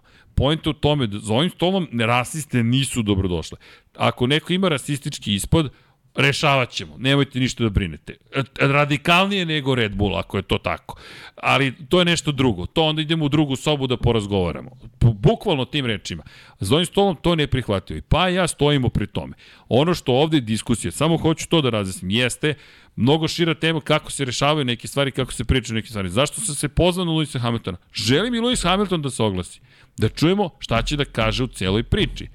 Jer ono što takođe, slažem se s tobom, gde postoji ogromna opasnost, a to je ako ukineš dijalog i samo kazniš, čekaj polako, aj popričamo šta se ovde desilo i još jedna bitna stvar, ajmo otvorimo i druge dijaloge. Šta se sve onda tu događa? I to nije neka sad opšta tema koju sam Kaže iznao. kako meni to sve zvuči. Skupljanje poena Red Bulla na račun čoveka koji je upropastio jedno pet trka u posljednjih sedam nedelja. I zakucu su u zid 15 puta i evo došlo im je kao Ma ne. E, e, meni tako, Ma, meni Pajo, tako izgleda. ovo- Meni tako izgleda jer jer ova priča U korporativnom svetu. Samo ti kažeš nešto. Ovo što smo mi sad uradili, ovo, dali smo mi smo upali u zamku, ti i ja. Pa Ušli smo i u nismo priču. jesmo. 45 minuta pričamo 45 minuta. Uj. 45 minuta pričamo o Juriju Vipsu i, i, i nečemu što što uh, za čovečanstvo je, je benigna tema, znaš. Lawson, pa Lawson je streamovao, kažem vam da je streamovano, nije, znači oni su streamovali, ali on je znao da ga streamuju. Pa mislim, nisi pao s kruške, znaš da te streamuju niti ja znam niti kad se kazne primenjuju na sve jednako, niti, Ne, ali- niti ova priča. Imali smo milion situacija sad, sad mislim, uh, uh, znaš, o, o, otvo- otvorio si me sada da, da pričamo o nekim stvarima koje ne da nisu za otvorio znaš, tome, nego, nego, nego nema vidi, potrebe. poenta je ovde, ovde je slučaj Jurija Vipsa i to je tema, to je jednostavno ne možeš pobegneš od te teme. On, on je A da, ali mislim da smo apsolvirali temu. I Jesmo, nešto drugo sam hteo da kažem, više sad sam i zaboravio šta sam hteo da kažem. Ali vidi, pojenta je u sledećem. Nemam pojma, sad sam zaboravio, setit ću se A verovatno nema, ja kažem ti, sve okej. Okay. Znači, nije, ne treba nikada da se desi, ali nije za takvu vrstu kazne. I to je to. I idemo dalje. Šta A će da. biti dalje? Vidjet ćemo Pa šta će znam biti šta dalje. ste da kažem. Slušaj, to, zašto se ne slažem s tom da ga ekipa iskoristila situaciju? Vrlo jednostavno, ovo više nema veze sa ekipom. Znaš da je ovo završilo? Ovde pričamo o korporativnom svetu. Ti znaš da ja ne volim korporativni svet previše. Tamo postoje zloupotrebe organizacije. Sistem korporacije je trebalo da donese neka unapređenje efikasnosti, bla, bla, bla. Potpuno je zloupotrebljen. Ti sad imaš tamo silose i imaš sledeće. HR popularni ili ti Human Resources. On je DASA završio na stolu nekoga iz Human Resources. On više sa te ekipom nema veze. E, sad zašto ti to pričam ja? A neću, to da, neću da pričam priču do kraja jer ne želim, zato što mi je prijatelj bio u takvoj poziciji. Pa je izgubio posao. Ali cela priča je bila upravo to. Da ja pokažem svetu kako vodim računa, jer, jer su mi trebali politički poeni. Znači, moj prijatelj je bio u toj poziciji. Neću namjerno da govorim jer je to prošlo, zaboravilo se, otišlo se dalje. Bio sam svedok e, toga što se dogodilo. Bio sam svedok toga. Znači čovek koji nije prošao pored rasiste. Prošao nije. Znači ima ljubav za sve ljude ovog sveta i izgovorio je nešto što nije bio svestan da to tako u kameri zvuči. Svestan nije bio. Svestan nije bio. Da to zvuči tako u kameri. Dobio otkaz posle dva dana. To su notorne gluposti. To su notorne gluposti i to služi za jeftino skupljanje poena. Političarima služi za jeftino skupljanje poena. I onda strada neka žrtva koja je prosto bila neoprezna. A šta se radi na tom nivou tih ljudi koji tako drastično kažnjavaju? Oni ovaj svet prave lošim. Oni ovaj svet prave lošim. Da, to je- A mi se bavimo Jurijem Vipsom. Ne, ne, to je... Nametnuti temu da je Juri Vips uradio nešto loše. A, I mi apropo, sada gutamo Jurija Vipsa, a tamo neki koji je kao šmeker odlučio je nešto kao veliko, jer on njemu je to neprihvatljivo, on ovaj svet pravi loše. I to su te globalne gluposti koje živimo već unazad deseta godina, možda manje, ali ih živimo. Ali nisu samo jedna stvar, sad opet, ne da, da globalizam ima svoje pro, ima svoje kontra. Jer ljudi dok pijuckaju svoju Guatemala kafu u Beogradu, kukaju na globalizam. A, izvinite, ta Guatemala je stigla globalističkim putem, tako da ima sve pro kontra. Slažem se s tom ako zloupotreba situacije, apsolutno, uvek će ljudi zloupotrebljavati situaciju, ali apropo onoga što si rekao da ga je tim otpustio, ma tim se više ni ne pita Paju. Tim, on je ćao van tima zato što on više nije u rukama ekipe. On je u rukama HR-a. Kraj. HR je to preuzeo i tu je kraj za Vipsa. Kako god. Ne zato što je tim nešto hteo. Tim se tu ne pita, to je korporativna struktura. Da li je dobra ili loša, ne ulazim u to, ja samo opisujem šta se tamo dešava. 100% je rukama HR-a. I to je sada više ne veze sa ekipom. Može menadžer ekipe da zove 400 puta i kaže nije loš dečko, nije rasista, ne znam da li jeste ili nije. Može da kaže šta god hoće, HR je njegova sada sudbina. I tu je kraj. Ko radi u korporaciji zna o čemu pričam. Ljudi, to tako funkcioniše. Ne kažem da je dobro, ne kažem da je loše, ne ocenjujem. Ja ne volim korporativni život, to znaš vrlo dobro, ali on je upao u tu priču i on je deo korporativnog biosistema. Gde će ovo se završi, nemam pojma, ali se slažem s tobom, ako je 45 minuta previše pričamo o Juriju Vipsu. Pa eto, 25. previše. Da, da, 25. To je to, pa to je, to je, to je zamka u kojoj smo upali. A dobro, nije zamka, Pa Pajo. zamka je. Pa ne možeš da ne pričaš Zamka o tome. Vidi, Ne, ne, ne ovoliko, definitivno. Pa, ali vidi, Pajo, ko ikad priča više o ovome? Niko više ni ne priča. Zar to nije pozitivno? Pričamo, pričamo o, o, sluč, o primeru. Pa, O Juriju Vipsu. a da, O ovome treba da se priča, ali na mnogo drugačiji način. dobro, Na drugom, na, moramo na, na, napravimo drugi podcast. potpuno drugačiji. Podcast koji se zove posle, Potpuno- Studio posle potpuno ponoći. drugačije, potpuno drugačije. Studio posle Potpuno ponoći. drugačije. Čekaj, Vanja, sad imamo novu rasvetu, potpuno zatrmi, za, kako, zamračimo. kako se širi mržnja prema ne, ne, ne, ko je, nećemo ko da širimo drugačiji. mržnju. Ne, ali Samo ko, ljubav. ko to radi, kako se radi, na koji način, ko nam to nameće, Odo iz, iz, ko, iz kojih kuhinja to dolazi, zašto se to radi. Jer ja ne vidim ovde, ja, ja ovde vidim samo jednog naivnog mladog čoveka koji, koji prosto koji je prosto pogrešio. Ci- Citiraću I, ti. I ništa više. I, Bio je- I ne trebamo osjeći glavu zbog toga što je pogrešio. Ajmo da vidimo i kako će se ovo na kraju završiti. Možda mu i ne oceku na kraju glavu. Ajmo da vidimo. Za sada, ja bih konstatovao, glup je bio. Tačka. Apsolutno je bio glup. I vidjet ćemo koju će cijenu platiti. Ali evo, Kyle Larson na kraju je stvorio nešto što niko nije očekivao od Kyle Larsona. I Baba Volos je stao njemu u stranu. Ne na stranu, rekao je, ljudi, to, da, greška je, ne treba to da govori, ali ja ne vidim Kyle Larsona kao tu vrstu osobe kakvom ga, kakvom ga opisujete. Zato, kažem, gledam i ka Lewisu Hamiltonu, pa da vidimo šta će sve da se... I ne prebacujem sad loptu u, u teren Lewisa Hamiltona, da se razumemo. Samo ajmo da vidimo gde će ovo se završi. Da, šta ima da komentariše Lewis Hamilton? Mislim. Pa mislim Ajmo da je da on jedini koji može da učestvuje u tome. On je taj koji otvorio društveni dijalog. Ali ajmo mi dalje. Jej, ovde se svi raduju što idemo dalje. Da, teške teme ne bežimo od njih, šta sad? To, to je deo, i deo ovoga sporta. Elem, da li imamo mi još tema za ovaj trkački vikend iza nas? Znaš šta nismo pokrili, Deki i ja danas? Superbike nismo pokrili, hoćeš pričamo o Superbajku, pa je. A, super je, bajk, nećemo. A to je, to je vaš kiks od. Nije to naša da, tema. Da, da, nije to naša tema. Kad dođe Deki sledeći nedelje, on. on, ja, Deki mi je pobegao. Čak ni taman- naskara nije bilo, tako da nemamo. Da. Da, inače... A pokrili smo, mislim, jedino pitanje. jedino e, znaš šta moram da uradim? Ja, Šta da pobegne? ne, ne, ne, nego da da pozdravim, pozdraviš da nekoga. pozdravim, da pozdravim jednog našeg uh, fana velikog koji se stalno ovaj, uključuje. Inače, bivšeg futbalera Crvene zvezde Bilana Gajića, od skora futbaler CSKA iz Moskve. I evo da mu poželimo i s ovog mesta mnogo sreće u nastavku karijere i posluje sliku, sluša nas večeras. On se ne pita između Zvezde i Partizana. On se ne pita, da, on je, on je izabrao, izabrao ovaj, Nije Red Bull svoje- Ferrari. Da, da. Ne pita se, ali otišao u CSKA i držimo fige da, da bude sve kako treba u Moskvi. Stvarno, i veliki pozdrav, naravno. Zaista, za sve vas, ljudi, gde god da ste, evo, mi smo deo te ekipe, slušate nas večeras i mi vas pozdravljamo. Mi se, eto, zabavljamo i dalje. Inače, ovde stvarno gužva je i to lepa gu... E, klima radi, čekaj, a, Vanja? 24 u. Kako? Smrzli ste se. Gasi Vanja klimu, evo, gasi klimu ako su se svi smrzli. Ja mislim se jedino ja ne smrzavam. Pa ne, nije ni meni hladno. O, ekipa za... Znaš šta je dobacila koleginica iz, iz prode? Šta? A, to, a. A nije, to je majica sa stomakom, ti si mi dala ovo. Nije, nije, to je američka lop, futbol Da. za američki, Tako lopta za američki futbol. I ja, dobro. Ali da, nešto sam isto htio da dodam. A da, imamo par pitanja na koje moramo da... Imam mnogo Ajde, pitanja. ajde. Srđane, ako ideš za Holandiju, javi se ako nešto treba i da popijemo pivo. Ne, Nebojša, ne smijem da pijem pivo, imam giht. Tako da ako popijem pivo, artritis je zagarantovan. Ali snaći ćemo se. Šta da vam kažem?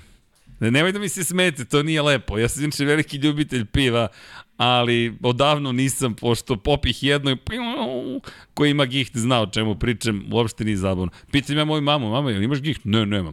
Ali, zar se Baki nije upa, povremeno upalio palac? Jeste, jeste. Pa i meni povremeno. Mhm, dobro, hvala ti. Tako da, mama Gena, pozdrav za moju mamu ako je u komentarima. Tu, mame, jeste, mama i tata, šalje, šalje srce. Jel me brani?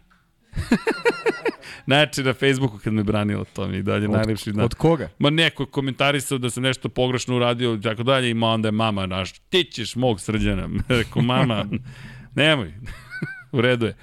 Pozdrav cijeloj ekipi, nam se lepo provodite dan. Vanja kaže, imam pitanje za Srke. Najjači album Iron Maidena. Puno ljubavi šaljem, Vanja. Vanja, puno ljubavi dalje šaljem. Najjači album Iron Maidena. Studijski ili live? Ako je live, live after death. Kraj priče, Long Beach Arena, 1984. ili 5. Scream for me Long Beach. Tad sam prvi put čuo Scream for me Long Beach. Pozdrav za mog dragog prijatelja Aleksandra Vasića, Vasovića, oprostite, koji je pozajmio dupli album iz Jugotona Live After Death 1991. Vratit ću ti ga svakog dana, Vaske, ali ne. Tako da i tu sam prvi put video dupli omot, crteži, ja ludilo. Kako? Rock in Rio, ba, live after that meni dalje. Ja sam stariji dosta od tebe. A studijski, studijski, ha, verovatno Number of the Beast, pretpostavljam da im je to najbolji studijski. Mada i Power Slave dobar. Mada kad krenem, svi su dobri. Eto, Vanja, nadam se da sam odgovorio, držim se live after that. Inače, e, Milica, sme Milice da te citiram? Milica koja je prevodila Kimijevu knjigu i kaže najteže je bilo 2008. da prevodi. Ferrarijevo siroče. Zaista baš Kimija nisu Ja, baš je bio nisu ga, nisu ga mazili i pazili. Ali On je dobro. tamo konstantno bio ko siroč. Baš je bio kao siroč. A, tamo su Tamo- svi ko siroče. Tamo Komentar koleginici iz prodaje, ovo je surovo. Nisam bilo. ja rekao, majke,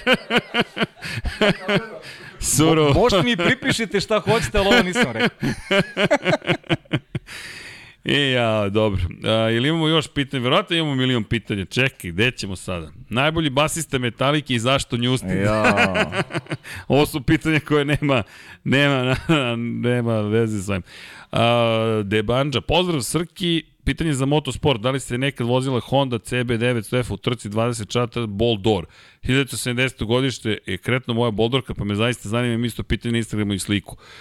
A ovako na pamet, moram, moram, e, moram da istražim. Inače, Adam Mesić kaže nije samo Long Beach bio. Tako je, prve tri side A, side B prvog albuma i side A su Long Beach, a Hammersmith Odeon Arena je četvrta strana.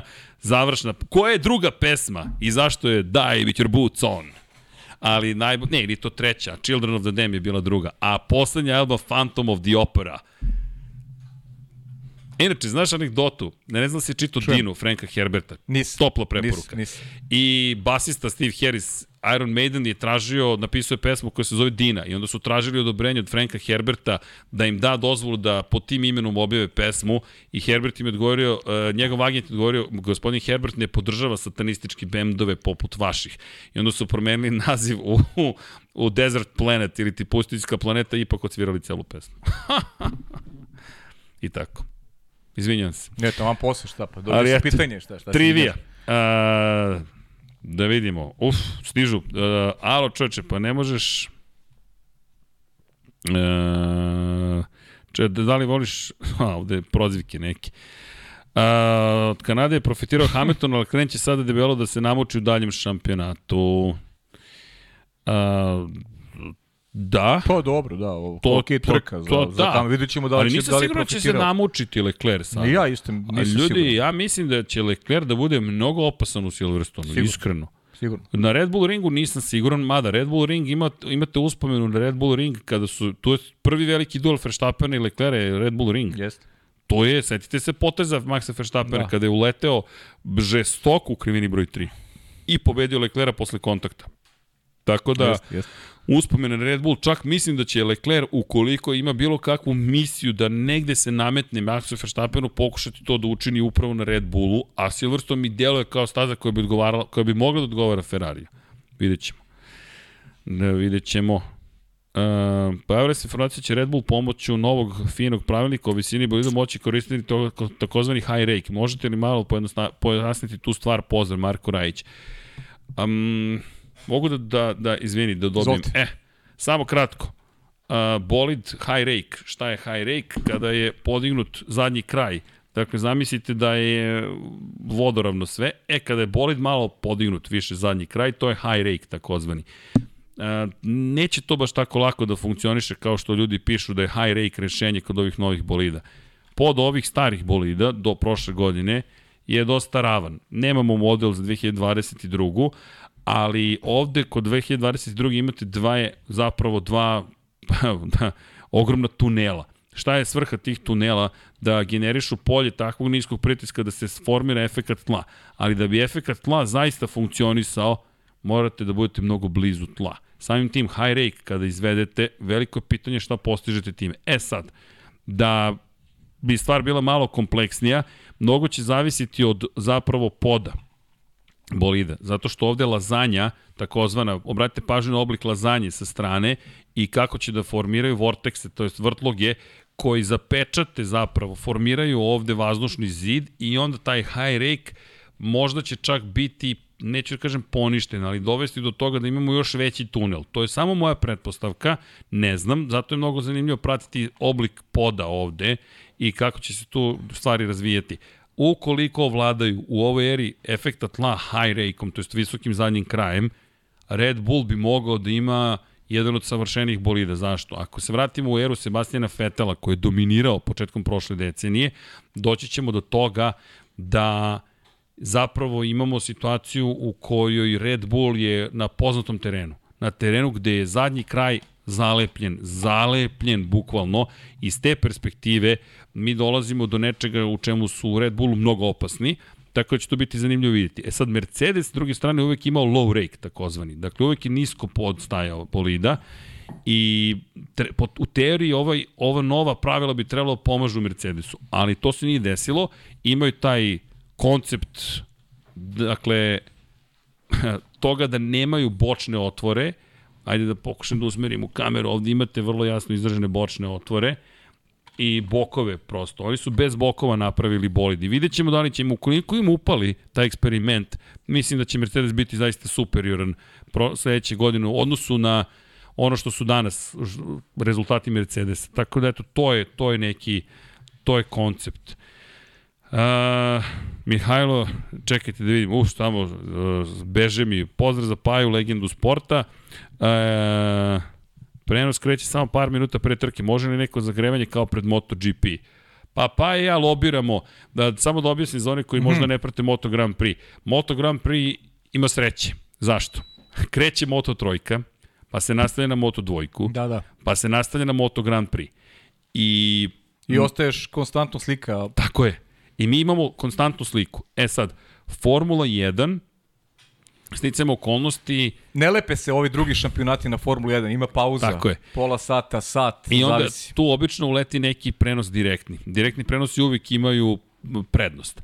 A ne, mi pokušavamo, pa ja smo tu dosta bili dosadni, pokušali smo da lobiramo da se ulazi i ranije, nismo još uspeli, ko zna. No da, ne samo to, nego i ti momci koji rade u realizaciji treba popune tu neku prazninu i onda su to neke emisije koje tačno traju toliko koliko ima pauza I onda ne mogu da ih iseku negde pred kraj, nego puste, puste do kraja i onda, onda bude tu malo lufta za ulazak. Tako da je ona kompleksna je malo priča, svi bi hteli da to bude ranije, ali često, često nije, nije ovaj, izvodljivo realno. Uh, inače, evo pitanje Dimitrija Gligoro, Gligorovskog, uh -huh. kaže da li ste videli da će Red Bull i Porsche zvaničiti saradnju na VN Austrije?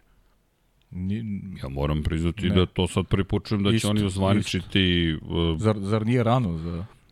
Pa da, priča se o tome do, odavno, ali Jest. da imamo neku da potvrdu baš. da će to da se desi. To je velika stvar ako se desi. Da, pa piše se o tome, da, ali, ali zvanično da se desi. Zvanično da je neko potvrdio, ne, imate, imate pisanja da, da da to, to još od maja da će navodno 2026. njima davati motore, ali Da. Hajmo polako. Pri čemu Blik je bio taj koji je prvi pisao o tome, nemojte pogrešno shvatiti, ali Blik nije nužno najpouzdaniji izvor informacija. E, znaju često senzacionalistički da spoje neke stvari, ali ono što je činjenica je da je Christian Horner, da, rekao da je Porsche dobrodošao da razgovara sa, sa Red Bullom i sa Audijem, ali Hajde vidjet ćemo. Ima tu mnogo veza. Imate Josta Kapita koji vodi trenutno Williams, koji radio sa Volkswagen grupacijom. Da li će oni ići u smeru Audija, ne znamo. Da li će zaista ići u smeru Porsche, Red Bull, ne znamo. To je priča. Iskreno, ne znamo. Dakle, Porsche ima jedan moćan motor iz hibridne ere, zapravo LMP1 kategorije, Deki o tome pričao, to su četvorocenični motori, su čak napravili eksperimentalno V6 motor da bi videli da li mogu da uđu u Formula 1 još davno, ali Neko vreme je prošlo, pitanje je da li je to nešto što ćete tek tako da stavite u svoj bolid i bude konkurentno, ne kažem da neće, ali pitanje je. I ono što je pitanje jeste šta dalje sa Hondom, koja i dalje proizvodi ove motore. Honda je izašla, ali zapravo nije izašla. Ali eto, tako da zaista ne znam za to da je pouzdano da će oni to saopštiti. Ja, ja makar nemam tu informaciju. E, top 3 u Silverstonu. Uj, u Silverstonu. Top 3 u Silverstonu. U Silverstonu. Pa zar mnogo smo rano skočili na Silverstone? Šta ću da radim utorak sledeći? Šta? Ne znam. Pa zato ti kažem, aj sad da se bavimo i Silverstone. Nećemo. Ne, ne, Silverstone ćemo da vozimo sledeće nedelje. Da. Obaramo aj, pa ćemo tada da se bavimo prognozom. Uh, Muarem Ayrulai pita, pozdrav pitanje za Srke, zašto su danas MotoGP brži na pravcima nego Formula 1, u čemu je, u čemu je priča? Uh, motori, pogotovo sada, ranije nisu bili brži na pravcima, nisu imali tu vrstu snage. Dve stvari. Motori generalno će biti brži na pravcima, u krivinama nikada, osim u nekim naj, naj, naj, naj, najsporijim krivinama. Zašto? Vrlo jednostavno, Formula 1 se oslanja na mehaničko prijanjanje, dakle, sam bolid kao bolid, bez ikakvog efekta aerodinamike i kretanje kroz fluid zvani vazduh, jel te, aerodinamički efekt je takav što se brže krećete, jače je prijanjanje, negativni uzgon, inače se šale dosta sa mnom, nizgon, negativni uzgon, uzgon. i tako dalje. Tako je. Šta je pojenta? Što brže idete, veća je sila prijanjanja. Dakle, vi imate veći aerodinamički pritisak, to je negativni uzgon. Kao avion, što se brže kreće, veća je sila uzgona. U ovoj situaciji, dakle, kada dođete do krivine, kroz krivinu, vi ako zadržite dovoljno adekvatnu brzinu, koliko gume to mogu da podnesu, vi se krećete mnogo brže od nečega što ima dva točka i na bokovima je svojih guma, a ovo ima četiri točka, mnogo veću nagaznu površinu i aerodinamički pritisak obavlja svoj deo posla, pri čemu je mnogo manja aerodinamička površina motocikla. S druge strane, na pravcu imate motocikl koji je težak 158 kg bez goriva. Dodajte gorivo, to je nekih 180 kg, dodajte vozača, to je 240 kg, 250 300 konjskih snaga ide na zadnji točak Moto Grand Prix motocikla. Na 240 kg. Ljudi, ubrzanje je besmisleno. Apsolutno besmisleno. I motocikl do kraja pravca će razviti 350, 60, čak 70 km na čas u trkama. Ove godine smo to videli konkretno u Muđelu preko 360 km na čas, što u Formuli 1 vidimo samo u Mexico City, gde imamo dovoljno dugačak pravac i gde imamo zapravo, to je sada zanimljivo, mnogo manji otpor vazduha zato što smo na 2200 metara nadmorske visine i gustina vazduha kiselnika konkretno je mnogo manja, te manji otpor vazduha. Zato je uvek kompromis. S jedne strane u krivinama želite otpor vazduha, to je negativni uzgon, a na pravcima zato se koristi DRS, smanjujete otpor vazduha i idete mnogo brže. Tako da, to vam dosta jednostavno objašnjenje iz perspektive težine i dalje Formula 1 sa 1000 konjskih snaga ima sličan odnos konjskih snaga i težine, ali opet motocikli mogu da malo brže ubrzaju u celoj priči. I dosta su glasniji ko je bio u, na trkama Formula 1 ili Moto Grand Prix-a. Na Moto Grand Prix dan danas možete da ugluvite, bukvalno ako ne vodite računa. E, eto, nam se sam odgovorio. E, pozdrav, top 3, e, pojavila se, ovo je Pedro Costa, povreda. Da, Pedro, pesmu smo nazvali To Tame Land, da, da, ne Desert Planet. Hvala, Adame, moja greška. A Desert Planet je jedan od stihova, apropo Dine. Da.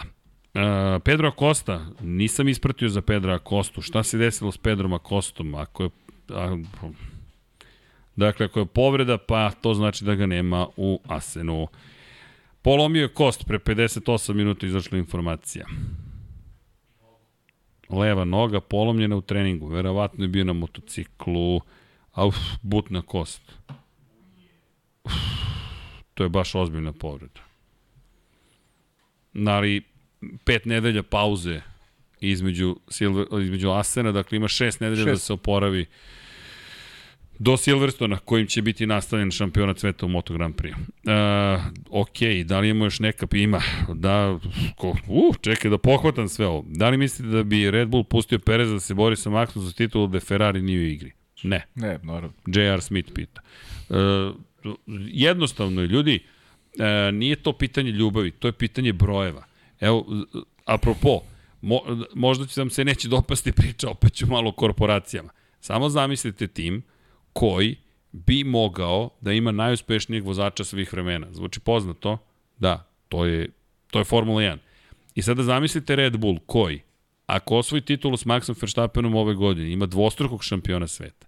2023. treća titula, četvrta, peta, šesta, sedma, to im je cilj.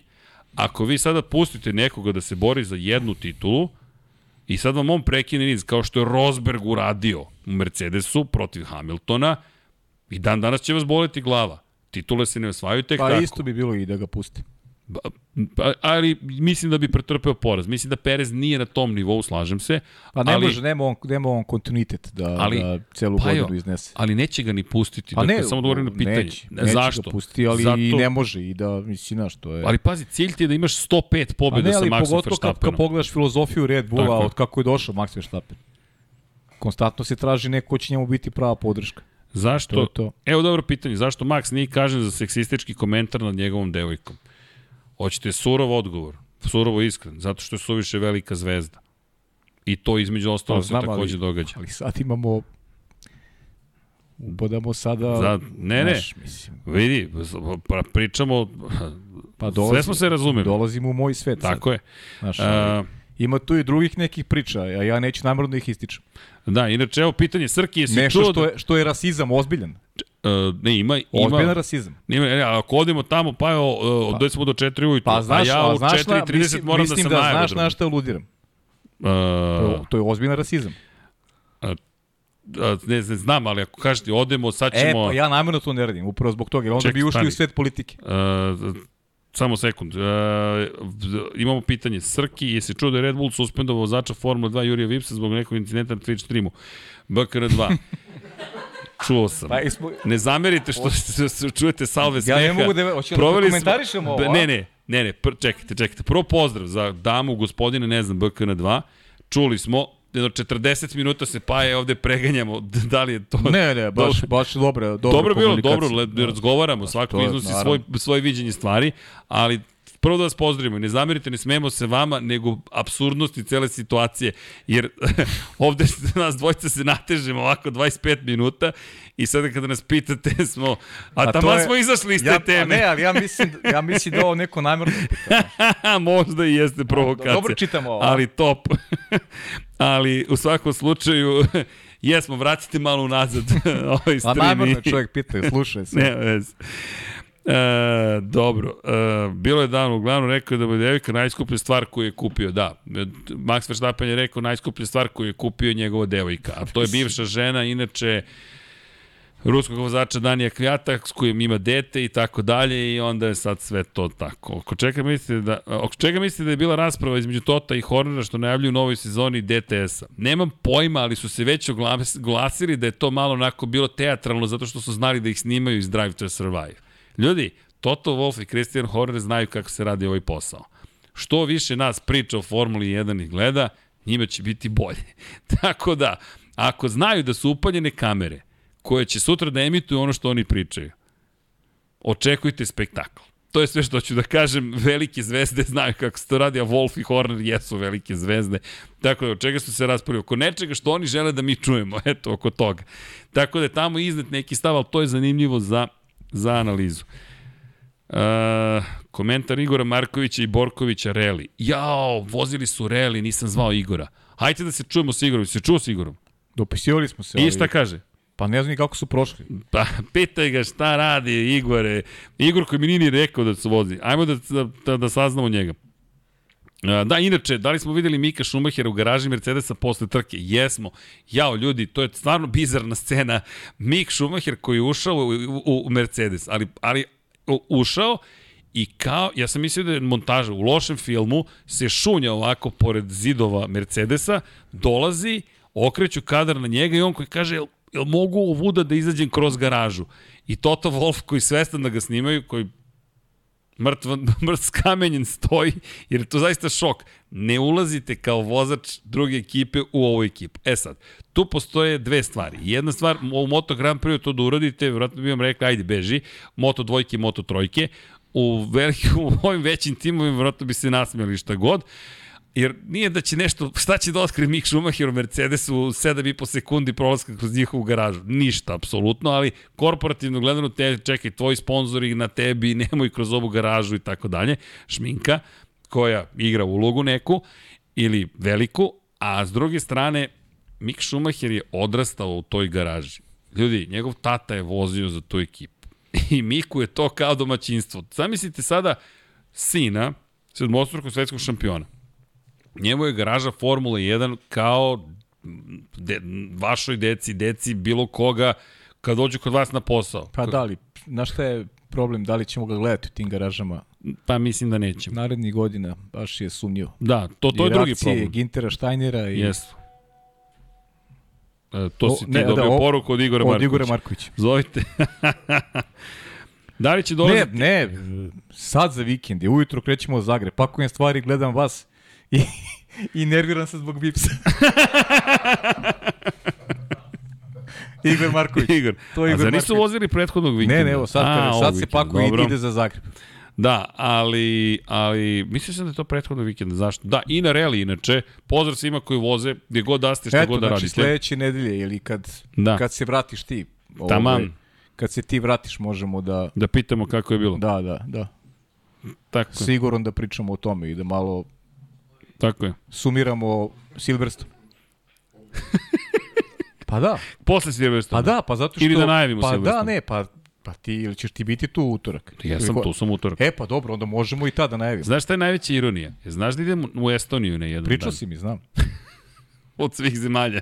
Super, ja sam bio tamo. E, Super. Lep je Talin. U Talinu kažu. sam bio, odlično. Bio sam dva da je puta tamo. Odlično. Super. Da, ne, brat mi stiže. Blizu ti Helsinki, možeš da ideš malo brodom do Helsinki, ali vidiš i Finsku. Pa, usput Nije sve- daleko, sve nije da daleko, pokrije. stvarno, nije daleko. Pa bih ja, ali pa je, onda, Bro- onda ne znam kada će se pojaviti ovde. Brodom do Helsinki je lepo. E, hvala, by the way. Inače, pitanje, da li mislite da bi se ovakve stvari dešavale u garaži Ferrari da je šef ekipe Toto Wolff? Pozdrav legendama. Pozdrav za vas, ljudi, pre Ne, ja, ja sam rekao da, da je šef ekipe Stefano Dominikali ne bi se dešavalo. Pa da. Da ne idemo dalje, treba im neko ko je njihov čovek, a njihov čovek je Stefano Dominikali, najbolji čovek koga su imali u prethodnih, o, o, onoj post eriji Mihajla Šumahira. Posteri Mihaela Šumacher. Da, kad je otišao Mihajl Šumacher Aha, i kad je aha, otišla okej, ta okej, okej. ekipa od tih da okay, ljudi okay, okay. koji su vodili Ferrari, najbolji je Stefano Dominikali Jeste, koji danas, Dominikali, da. koji danas Evo, mogu ja. gde. Zamislite da Miodrag Kotor vodi ekipu Ferrarija. Ne kažem da planira ili bilo što slično, samo zamislite. Samo pogledajte Leopard, ja mislim da bi dosta dobro stvari funkcionisale. Ali to je neka druga priča. Da, mnogo zavisi od čoveka, Kako ne? mnogo zavisi od menadžera ekipe. Sad, nekom odgovara jedan pristup, nekom drugi. Zna, evo, može ovako. Zamislite Zajdl da je dobio da vodi Ferrari. Zamislite samo to. Ne bi izdržao tamo duže od šest meseci. Ja mislim da bi ga politički odstranili, bukvalno. Tako da on ne može da se uklopi u tu kulturu. To je problem Ferrarija. I da dođe čovek koji je sposobniji, možda da zvuči bizarno sa strane, ali nije. To poslušajte i, i, i kada je gospodin Kotor gostovao kod nas i on je lepo pisao, Ferrari je želeo da uvede italija- italijanista prosto taj moment upravljanja gde su sve italijani. Pa kao što je Enzo bežao od vozača Italijana, tako je su hteli da Italijan upravlja timom. I to nije problem Stara da priča, da. neko italijan sam po sebi, već što insistirate na nacionalnom nivou na nečemu, a ne na nivou kompetentnosti, nego veza porodičnih, društvenih i tako dalje. Kompetentnost bi trebalo bude broj jedan, ali često nije. Uh, uh, koliko pitanja, ne mogu sve da stignem.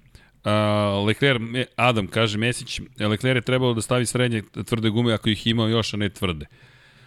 Pa srednje tvrde je stavio. Ja, Vanja, možeš da nam baciš kadar? Sre- Srednje tvrde je stavio za finiš trke.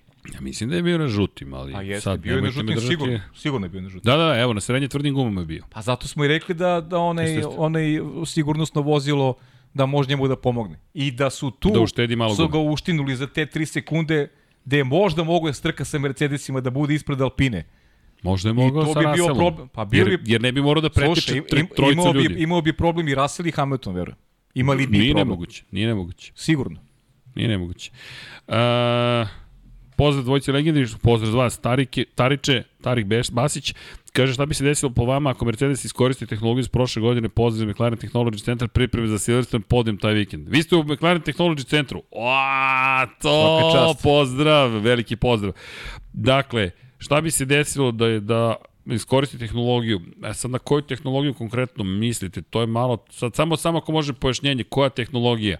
Jer to je baš teško izvesti, pogotovo u budžetima koji su na raspolaganju, a i generalno ne znam kako bi spojili koju, koju vrstu tehnologije. To ako može pomoći da nam objasnite samo na šta konkretno mislite, ali ko zna šta se, i ova nova tehnologija nasleđe one prethodne.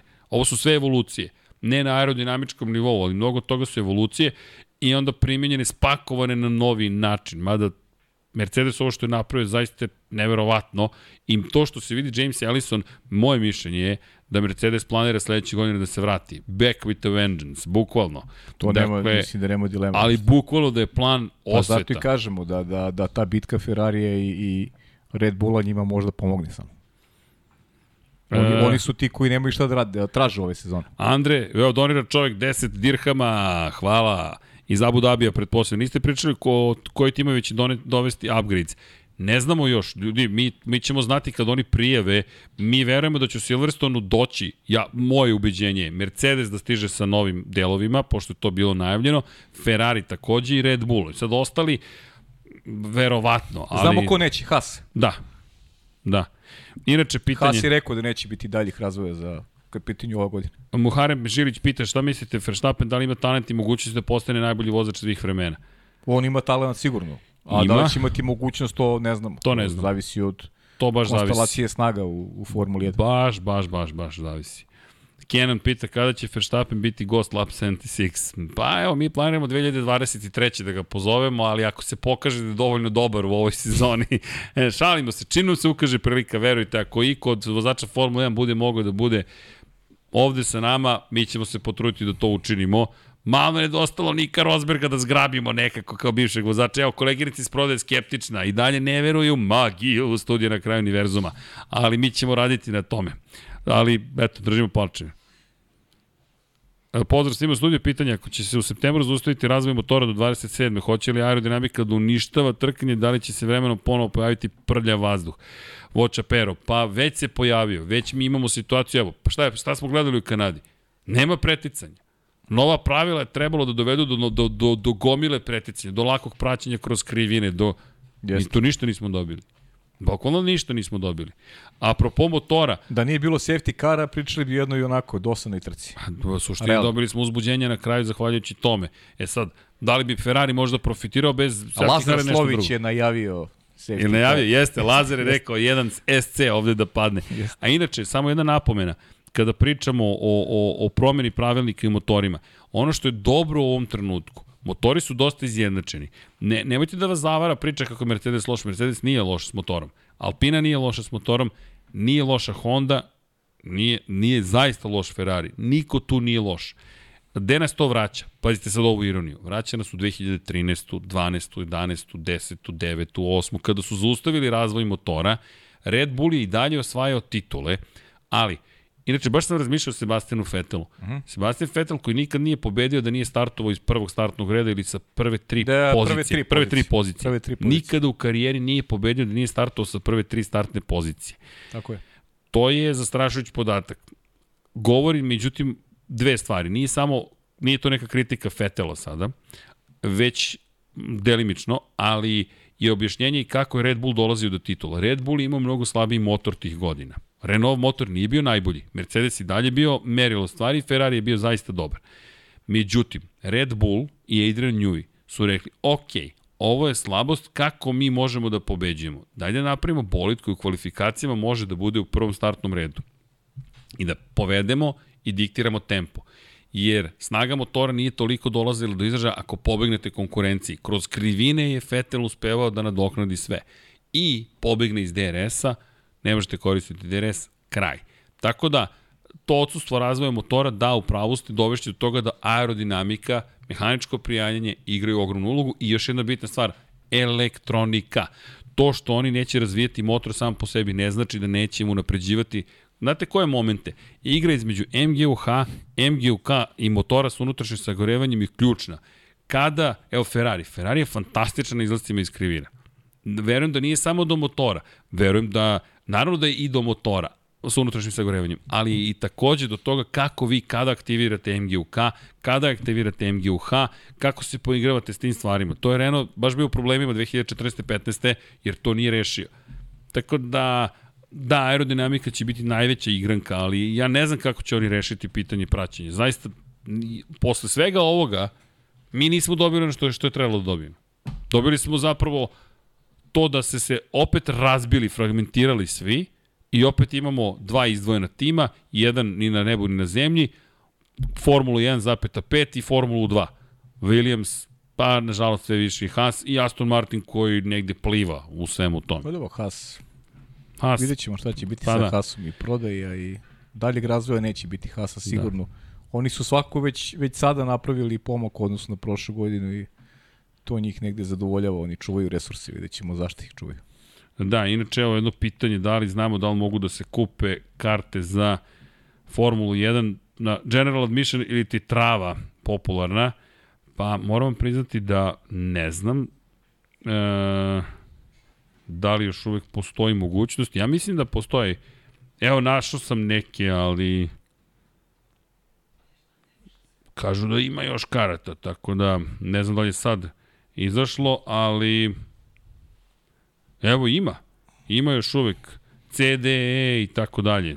To su to su neka mesta. Da ne reklamiram sada, ver, ukucajte GP, Tickets, F1, Red Bull Ring i izaći će vam. Da. Ne, imaju, evo, možda je izašao novi kontingent, ne znam. Sold out je većina stvari osim par, evo sad, da li je izašlo sada, nemam pojma. A, ne, ne, ne, ne, izvinite, moja greška. Mea culpa, sire. Mea culpa. Ne, ima i za Formulu 1, nevjerovatno. Ima za MotoGP, ima i za Formulu 1. Shvatio sam da gledam pogrešno kad su napisali tribina Marka Markeza.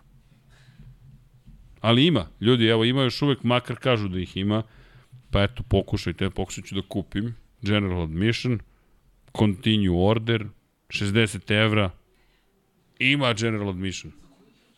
Za, za Formulu 1 u Austriji.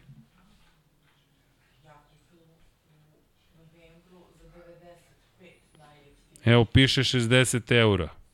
Ali subota, izvinjavam se. Izvini, izvini. Nema za nedelju, izvinite. Nema, imate petak i subotu. Možete malo da gledate treninge i to vam je to. A nedelju pored, ono, iza staze pa slušate. Ne, poprete se na planinu, ne šalim se, i onda pokušate da uživate u pogledu od zvanjaći. Da, nema karata za nedelju, nema. Ima petak samo. Izvinjam se za zabunu, konfuziju. I ne možemo da vam pomognemo s kart, ulaznicama, verujte, nemoguća misija. O, ove godine baš nemoguća misija. Tako, izvinjam se ako sam napravio. Da, nije, samo subota ima, nema za trku, eto. Uh, zašto mislite da više nikada F1 bolide neće biti mali kao 90-ih sa mehaničkim prijanjenjem? Pa, zato što se hibrid gura kao koncept. Jednostavno, ljudi, to je sad već marketing. Samo pogledajte šta piše. Hibrid od 2014. To je Deki objašnjavao. Zašto mislite da nećete vi da budete kao 90-ih? Uh, za, a, a misliš da neću? Sutra u teretanu. I na, e, danas sam igrao futbol, samo da znaš. Znam, čuo. Srki, daješ nam lažnu nadu. Izvinite, izvinite, izvinite. Da, inače još nismo svesni šta je radio Niko Rosberg, pozdrav. Nismo Oskare Nismo, da. svesni, nismo.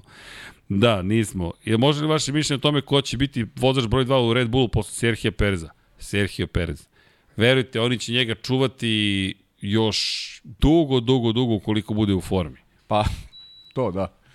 Nego, nego verovatno čovjek misli da se bavimo i prepostavkom ko bi mogao da bude ako ode Čeko Perez. A to zaista je teško povjeti. Da. Znam ko neće.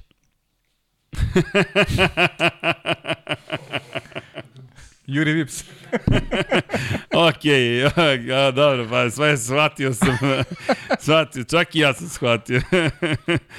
e, kada ćemo vidjeti ovako interesantnu sezonu kao prošle godine? Sledeće godine. Da, Sledeće godine 100%. verujem ja da će tako biti. 100%. Sledeće godine je ta. Ni ne misli će Ferrari biti slabiji, samo će Mercedes biti jači. I to eto ti već zabavi. E, da li može Bottas kao istin veteran koji je sada u familiji Ferrari da bude Leclerc u ono što je Perez Maxu? Šta? Nisam. Bottas, da, da, ha, da Bottas bude vozač dva Ferrarija. Ne, ne, ne. Ne, neće ga. Neće ga sigurno do, dovoditi. Ne, neće. E, da li će biti prevod knjige o Batonu? Pa ako se pita koleginica iz prodaje, da. Ovo je njen primjerak i lobira da kupimo prava. Pa, ako se... Evo, vi recite se- da kupimo ako se prava pita za Jenson Button Još jedna koleginica ko se pita takođe. A nije tvoja, a ona je tamo. A, a koju, koju da kupimo? Onu ili ovu? Obe. Ba, ča, koleginici iz prodaje. Niste vi koleginici iz potrošnje para, nego iz zarađivanja para.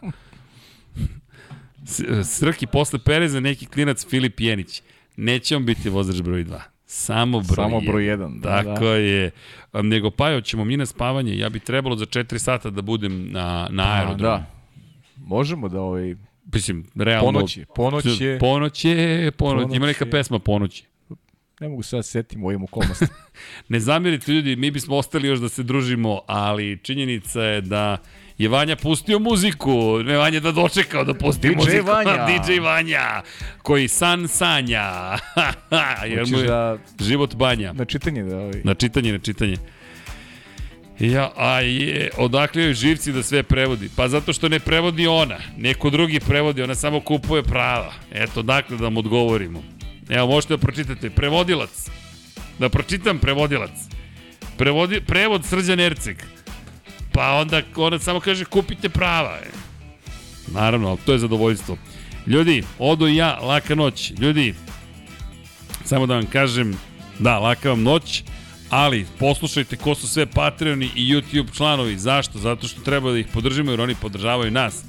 ako slučajno kupite knjigu ili namerno kupite knjigu, namerno, šalu na stranu. Ljudi, nadam se da ste uživali, mi svakako jesmo uživali, treba polako da se ide na put, sutra je U Amsterdamu smo tokom dana u Asenu uveče na farmi, postoću ti paju sliku. Obavezno. Na, dakle, sa farmice ima buđenje ide. Znaš da skupljam slike. Tako da biće to, biće to, biće zabave. A onda u četvrtak pratite naše društvene mreže, jer ćemo se potruditi da vam prenesemo atmosferu iz Asene. Inače, Rade Stant će voziti u nekoj od krivina pred početak trke. Tako da, pratite društvene mreže, jer na društvenim mrežama smijem da objavim šta radi Rade Stant na stazi. Tako da, uživajte ljudi i da pročitamo, ima nas koji nismo u knjizi, Almir Vuk. Bićete u sledećoj knjizi, Almire. Kako niste u knjizi? Možda smo, a, možda smo slali na štampu pre toga. Ali Almire, nemoj da brinete, stižete u sledeću knjigu jer mi ćemo to da radimo zato što vas volimo, a nadamo se da i vi dalje volite nas. U svakom slučaju, pa i ja se volimo, nemojte da brinete ovde ljubav cveta, Kako, udrite naravno. like i, i subscribe, a i udrite like da Vanja Zato i upali. menjamo mišljenje, zato Da. što smo otvoreni jedan prema Pa drugom. učimo. Normalno. Učimo, naravno. Vanja, uh, udrite like da Vanja upali klimu. Dakle, Patreon pokrovitelji su Ozren Prpić, Jelena Jeremić, Sava, Ivan Toškov prisutan, Stefan Dulić, Mladen Krstić, Marko Mostarac, Marko Bogovac, Nenad Ivić, zatim Toni Ruščić, Ivan Maksimović, Zoltan Mezeji, Mario Vidović, Miloš Banduka, Aleksa Vučaj, Zoran Šalamov, Ivan Simunović, Predrag Simić, Đorđe Radović, Mihajlo Krgović, Filip Banovački, Nikola Božinović, Nenad Đorđević, Miroslav Vučinić, Monika Erceg, Omer Kovačić, Aleksandar Gošić, Jelena Mak, Luka Savić, Žorž, Stefan Vidić, Mlađan Antić, Marko Ćurčić, Borko Božunović, Milan Nešković, Bojan Mijatović, Petar Relić, Nenad Simić, Boris Gvozden, Andrej Božo, Josip Kovačić, Mirina Živković, Boris Golubar, Đorđe Andrić, Zorana Vidić, Luka Maritašević, Ljubo Đurović, Miloš Vuletić, Dušan Ristić, Marina Mihajlović, Nemanja Miloradović, Vukašin Učerović, Đole Bronkos, Miroslav Cvetić, Stefan Milošević, Antonio Novak, Jasenko Samarđić, Nikola Stojanović, Mihovil Stamičar, Zoran Majdov, Nemanja Jerević, Stefan Deljković, Lazar Pejović, Jan Gajan, Aleksa Jelić, Tijana Vidanović, Boris Kujundžić, Aleksandar Antonović, Nemanja Zagorac, Dejan Vujović, Aca Vizla, Milan Ristić, Igor Vučković, Vukašin Jekić, Igor Gašparović, Aleksandar M, Žarko Milić, zatim Branko Bisački, Dejan Đokić, Bahtjer Abdurmanov, Bojan Markov, Alen Stojičić, On, Ognjen Ungurjanović, Ertan Prelić, Andrija Todorović, Emir Mesić, Miloš Todorov, Pavle Njemec, Đorđe Đukić, Vanja Radulović, Vladimir Petković, Vladimir Filipović, Aleksandar Jurić, Strahinja Blagojević, Depressed Cody, Garbrand Fan, Jovan Đodan, Stefan Snaković, Boris Erce, Katarina Marković, Ivan Panajotović, Ivan C, Dimitrije Mišić, Veselin Vukićević, Andrej Bicuk, Nebojša Živanović, Andreja Branković, Nenad Panterić, Jugoslav Krasnić, Vlada Ivanović, Stefan Janković, Aleksandar Banovac, Miloš Radosavljević, Grgo Živaljić, Matija Rajić, Zoran Cimeša, Petar Nujić, Danijela Ilić, Ferenc Laslov i Predrag Pižurica, Ognjen Marinković, Borislav Jovanović, Branislav Marković, Andreja David, Nikola Grujičić i 15 tajnih pokrovitelja. A na YouTube-u članovi su Nevin Biocentar, Nikola Grđan, Miloš Stanimirović, Vukašin Felbom, Igor Ilić, Voča Pero, Marko Stilković, Bakadu, Bojan Gitarić, Ivan Magde- Magdanović, Ivan Vujosinović, Resničanin, Mladen Mladenović, Tatjana Lemajić, Veselin Vukićić, Stojan Sabo, Mladen, Mladen Dukić, Marko Bogovac, Branislav Dević, Vukašin Vučenović, Almedin Ahmetović, Nemanja Labović, Aleksandar Kockar, Miloš Zed, LFC, Nikola Kojić, Nemanja Miloradović, Zvonimir Papić, Ivan Božanić, Marina, Vlada Ivanović, Oliver Nikolić, Andrej Todorović, Jelena Ivanić, Kalabi, Jao, Aleksandar Nikolić, Lukas Kok, Petar Bijelić, Milorad Reljić, Nemanja, Bojan Markov, Danilo Petrović, Nenad Simić, Nemanja Bračko, Kosta Berić, Aleks Vulović, Andreja David, Pavlo Lukić, Milan Knežić, Žarko Jovanović, Arvin Šabanija i Nenad Lukić. Dragi ljudi, dragi dame, dragi gos, draga gospodo, nadam se da ste uživali, pa i ja svakako uvek uživamo. Tako je, Srki. I šta vam kažemo, budite uz Infinity Lighthouse, Zašto meni nema join na YouTube? Ne znam zašto vam nema join. Udrite refresh, restart i pokušajte ali možda će se onda pojaviti i u svakom slučaju nadam se da ćete se joinovati na našem kanalu. E, ljudi, kanal raste, hvala vam još jednom, 17 i po skoro hiljada i tako, nadam se da, eto, lepo je to čuti i videti, evo aplauz, uhuhu, i tako. O, dobio smo aplauz, a, pa ja, aplauz smo dobili. Na otvorenoj sceni. A lepo se zabavljamo, na otvorenoj sceni. da, e, inače, kako se dopada rasveta, a? Top! Svašta radimo ovde, tek ćemo Super. da unapređujemo stvari. Ljudi, laka vam noć, mi vas volimo, šaljamo vam pozdrave, dobru energiju, mazite se i pazite se, budite dobri, vodite računa, vozite računa jedni od drugima, možete da ududete like, share, subscribe, sve ostalo, dislike, ako vam se ne sviđa, sve to cool, ostavite komentar i, i za vas odgovor na pitanje da li vam se dopada kad se sa lica mesta negde uključimo kakav god da je kadar u pozadini. I u to ime, dok traje ova muzika, Gari, čao svima! Ćao svima.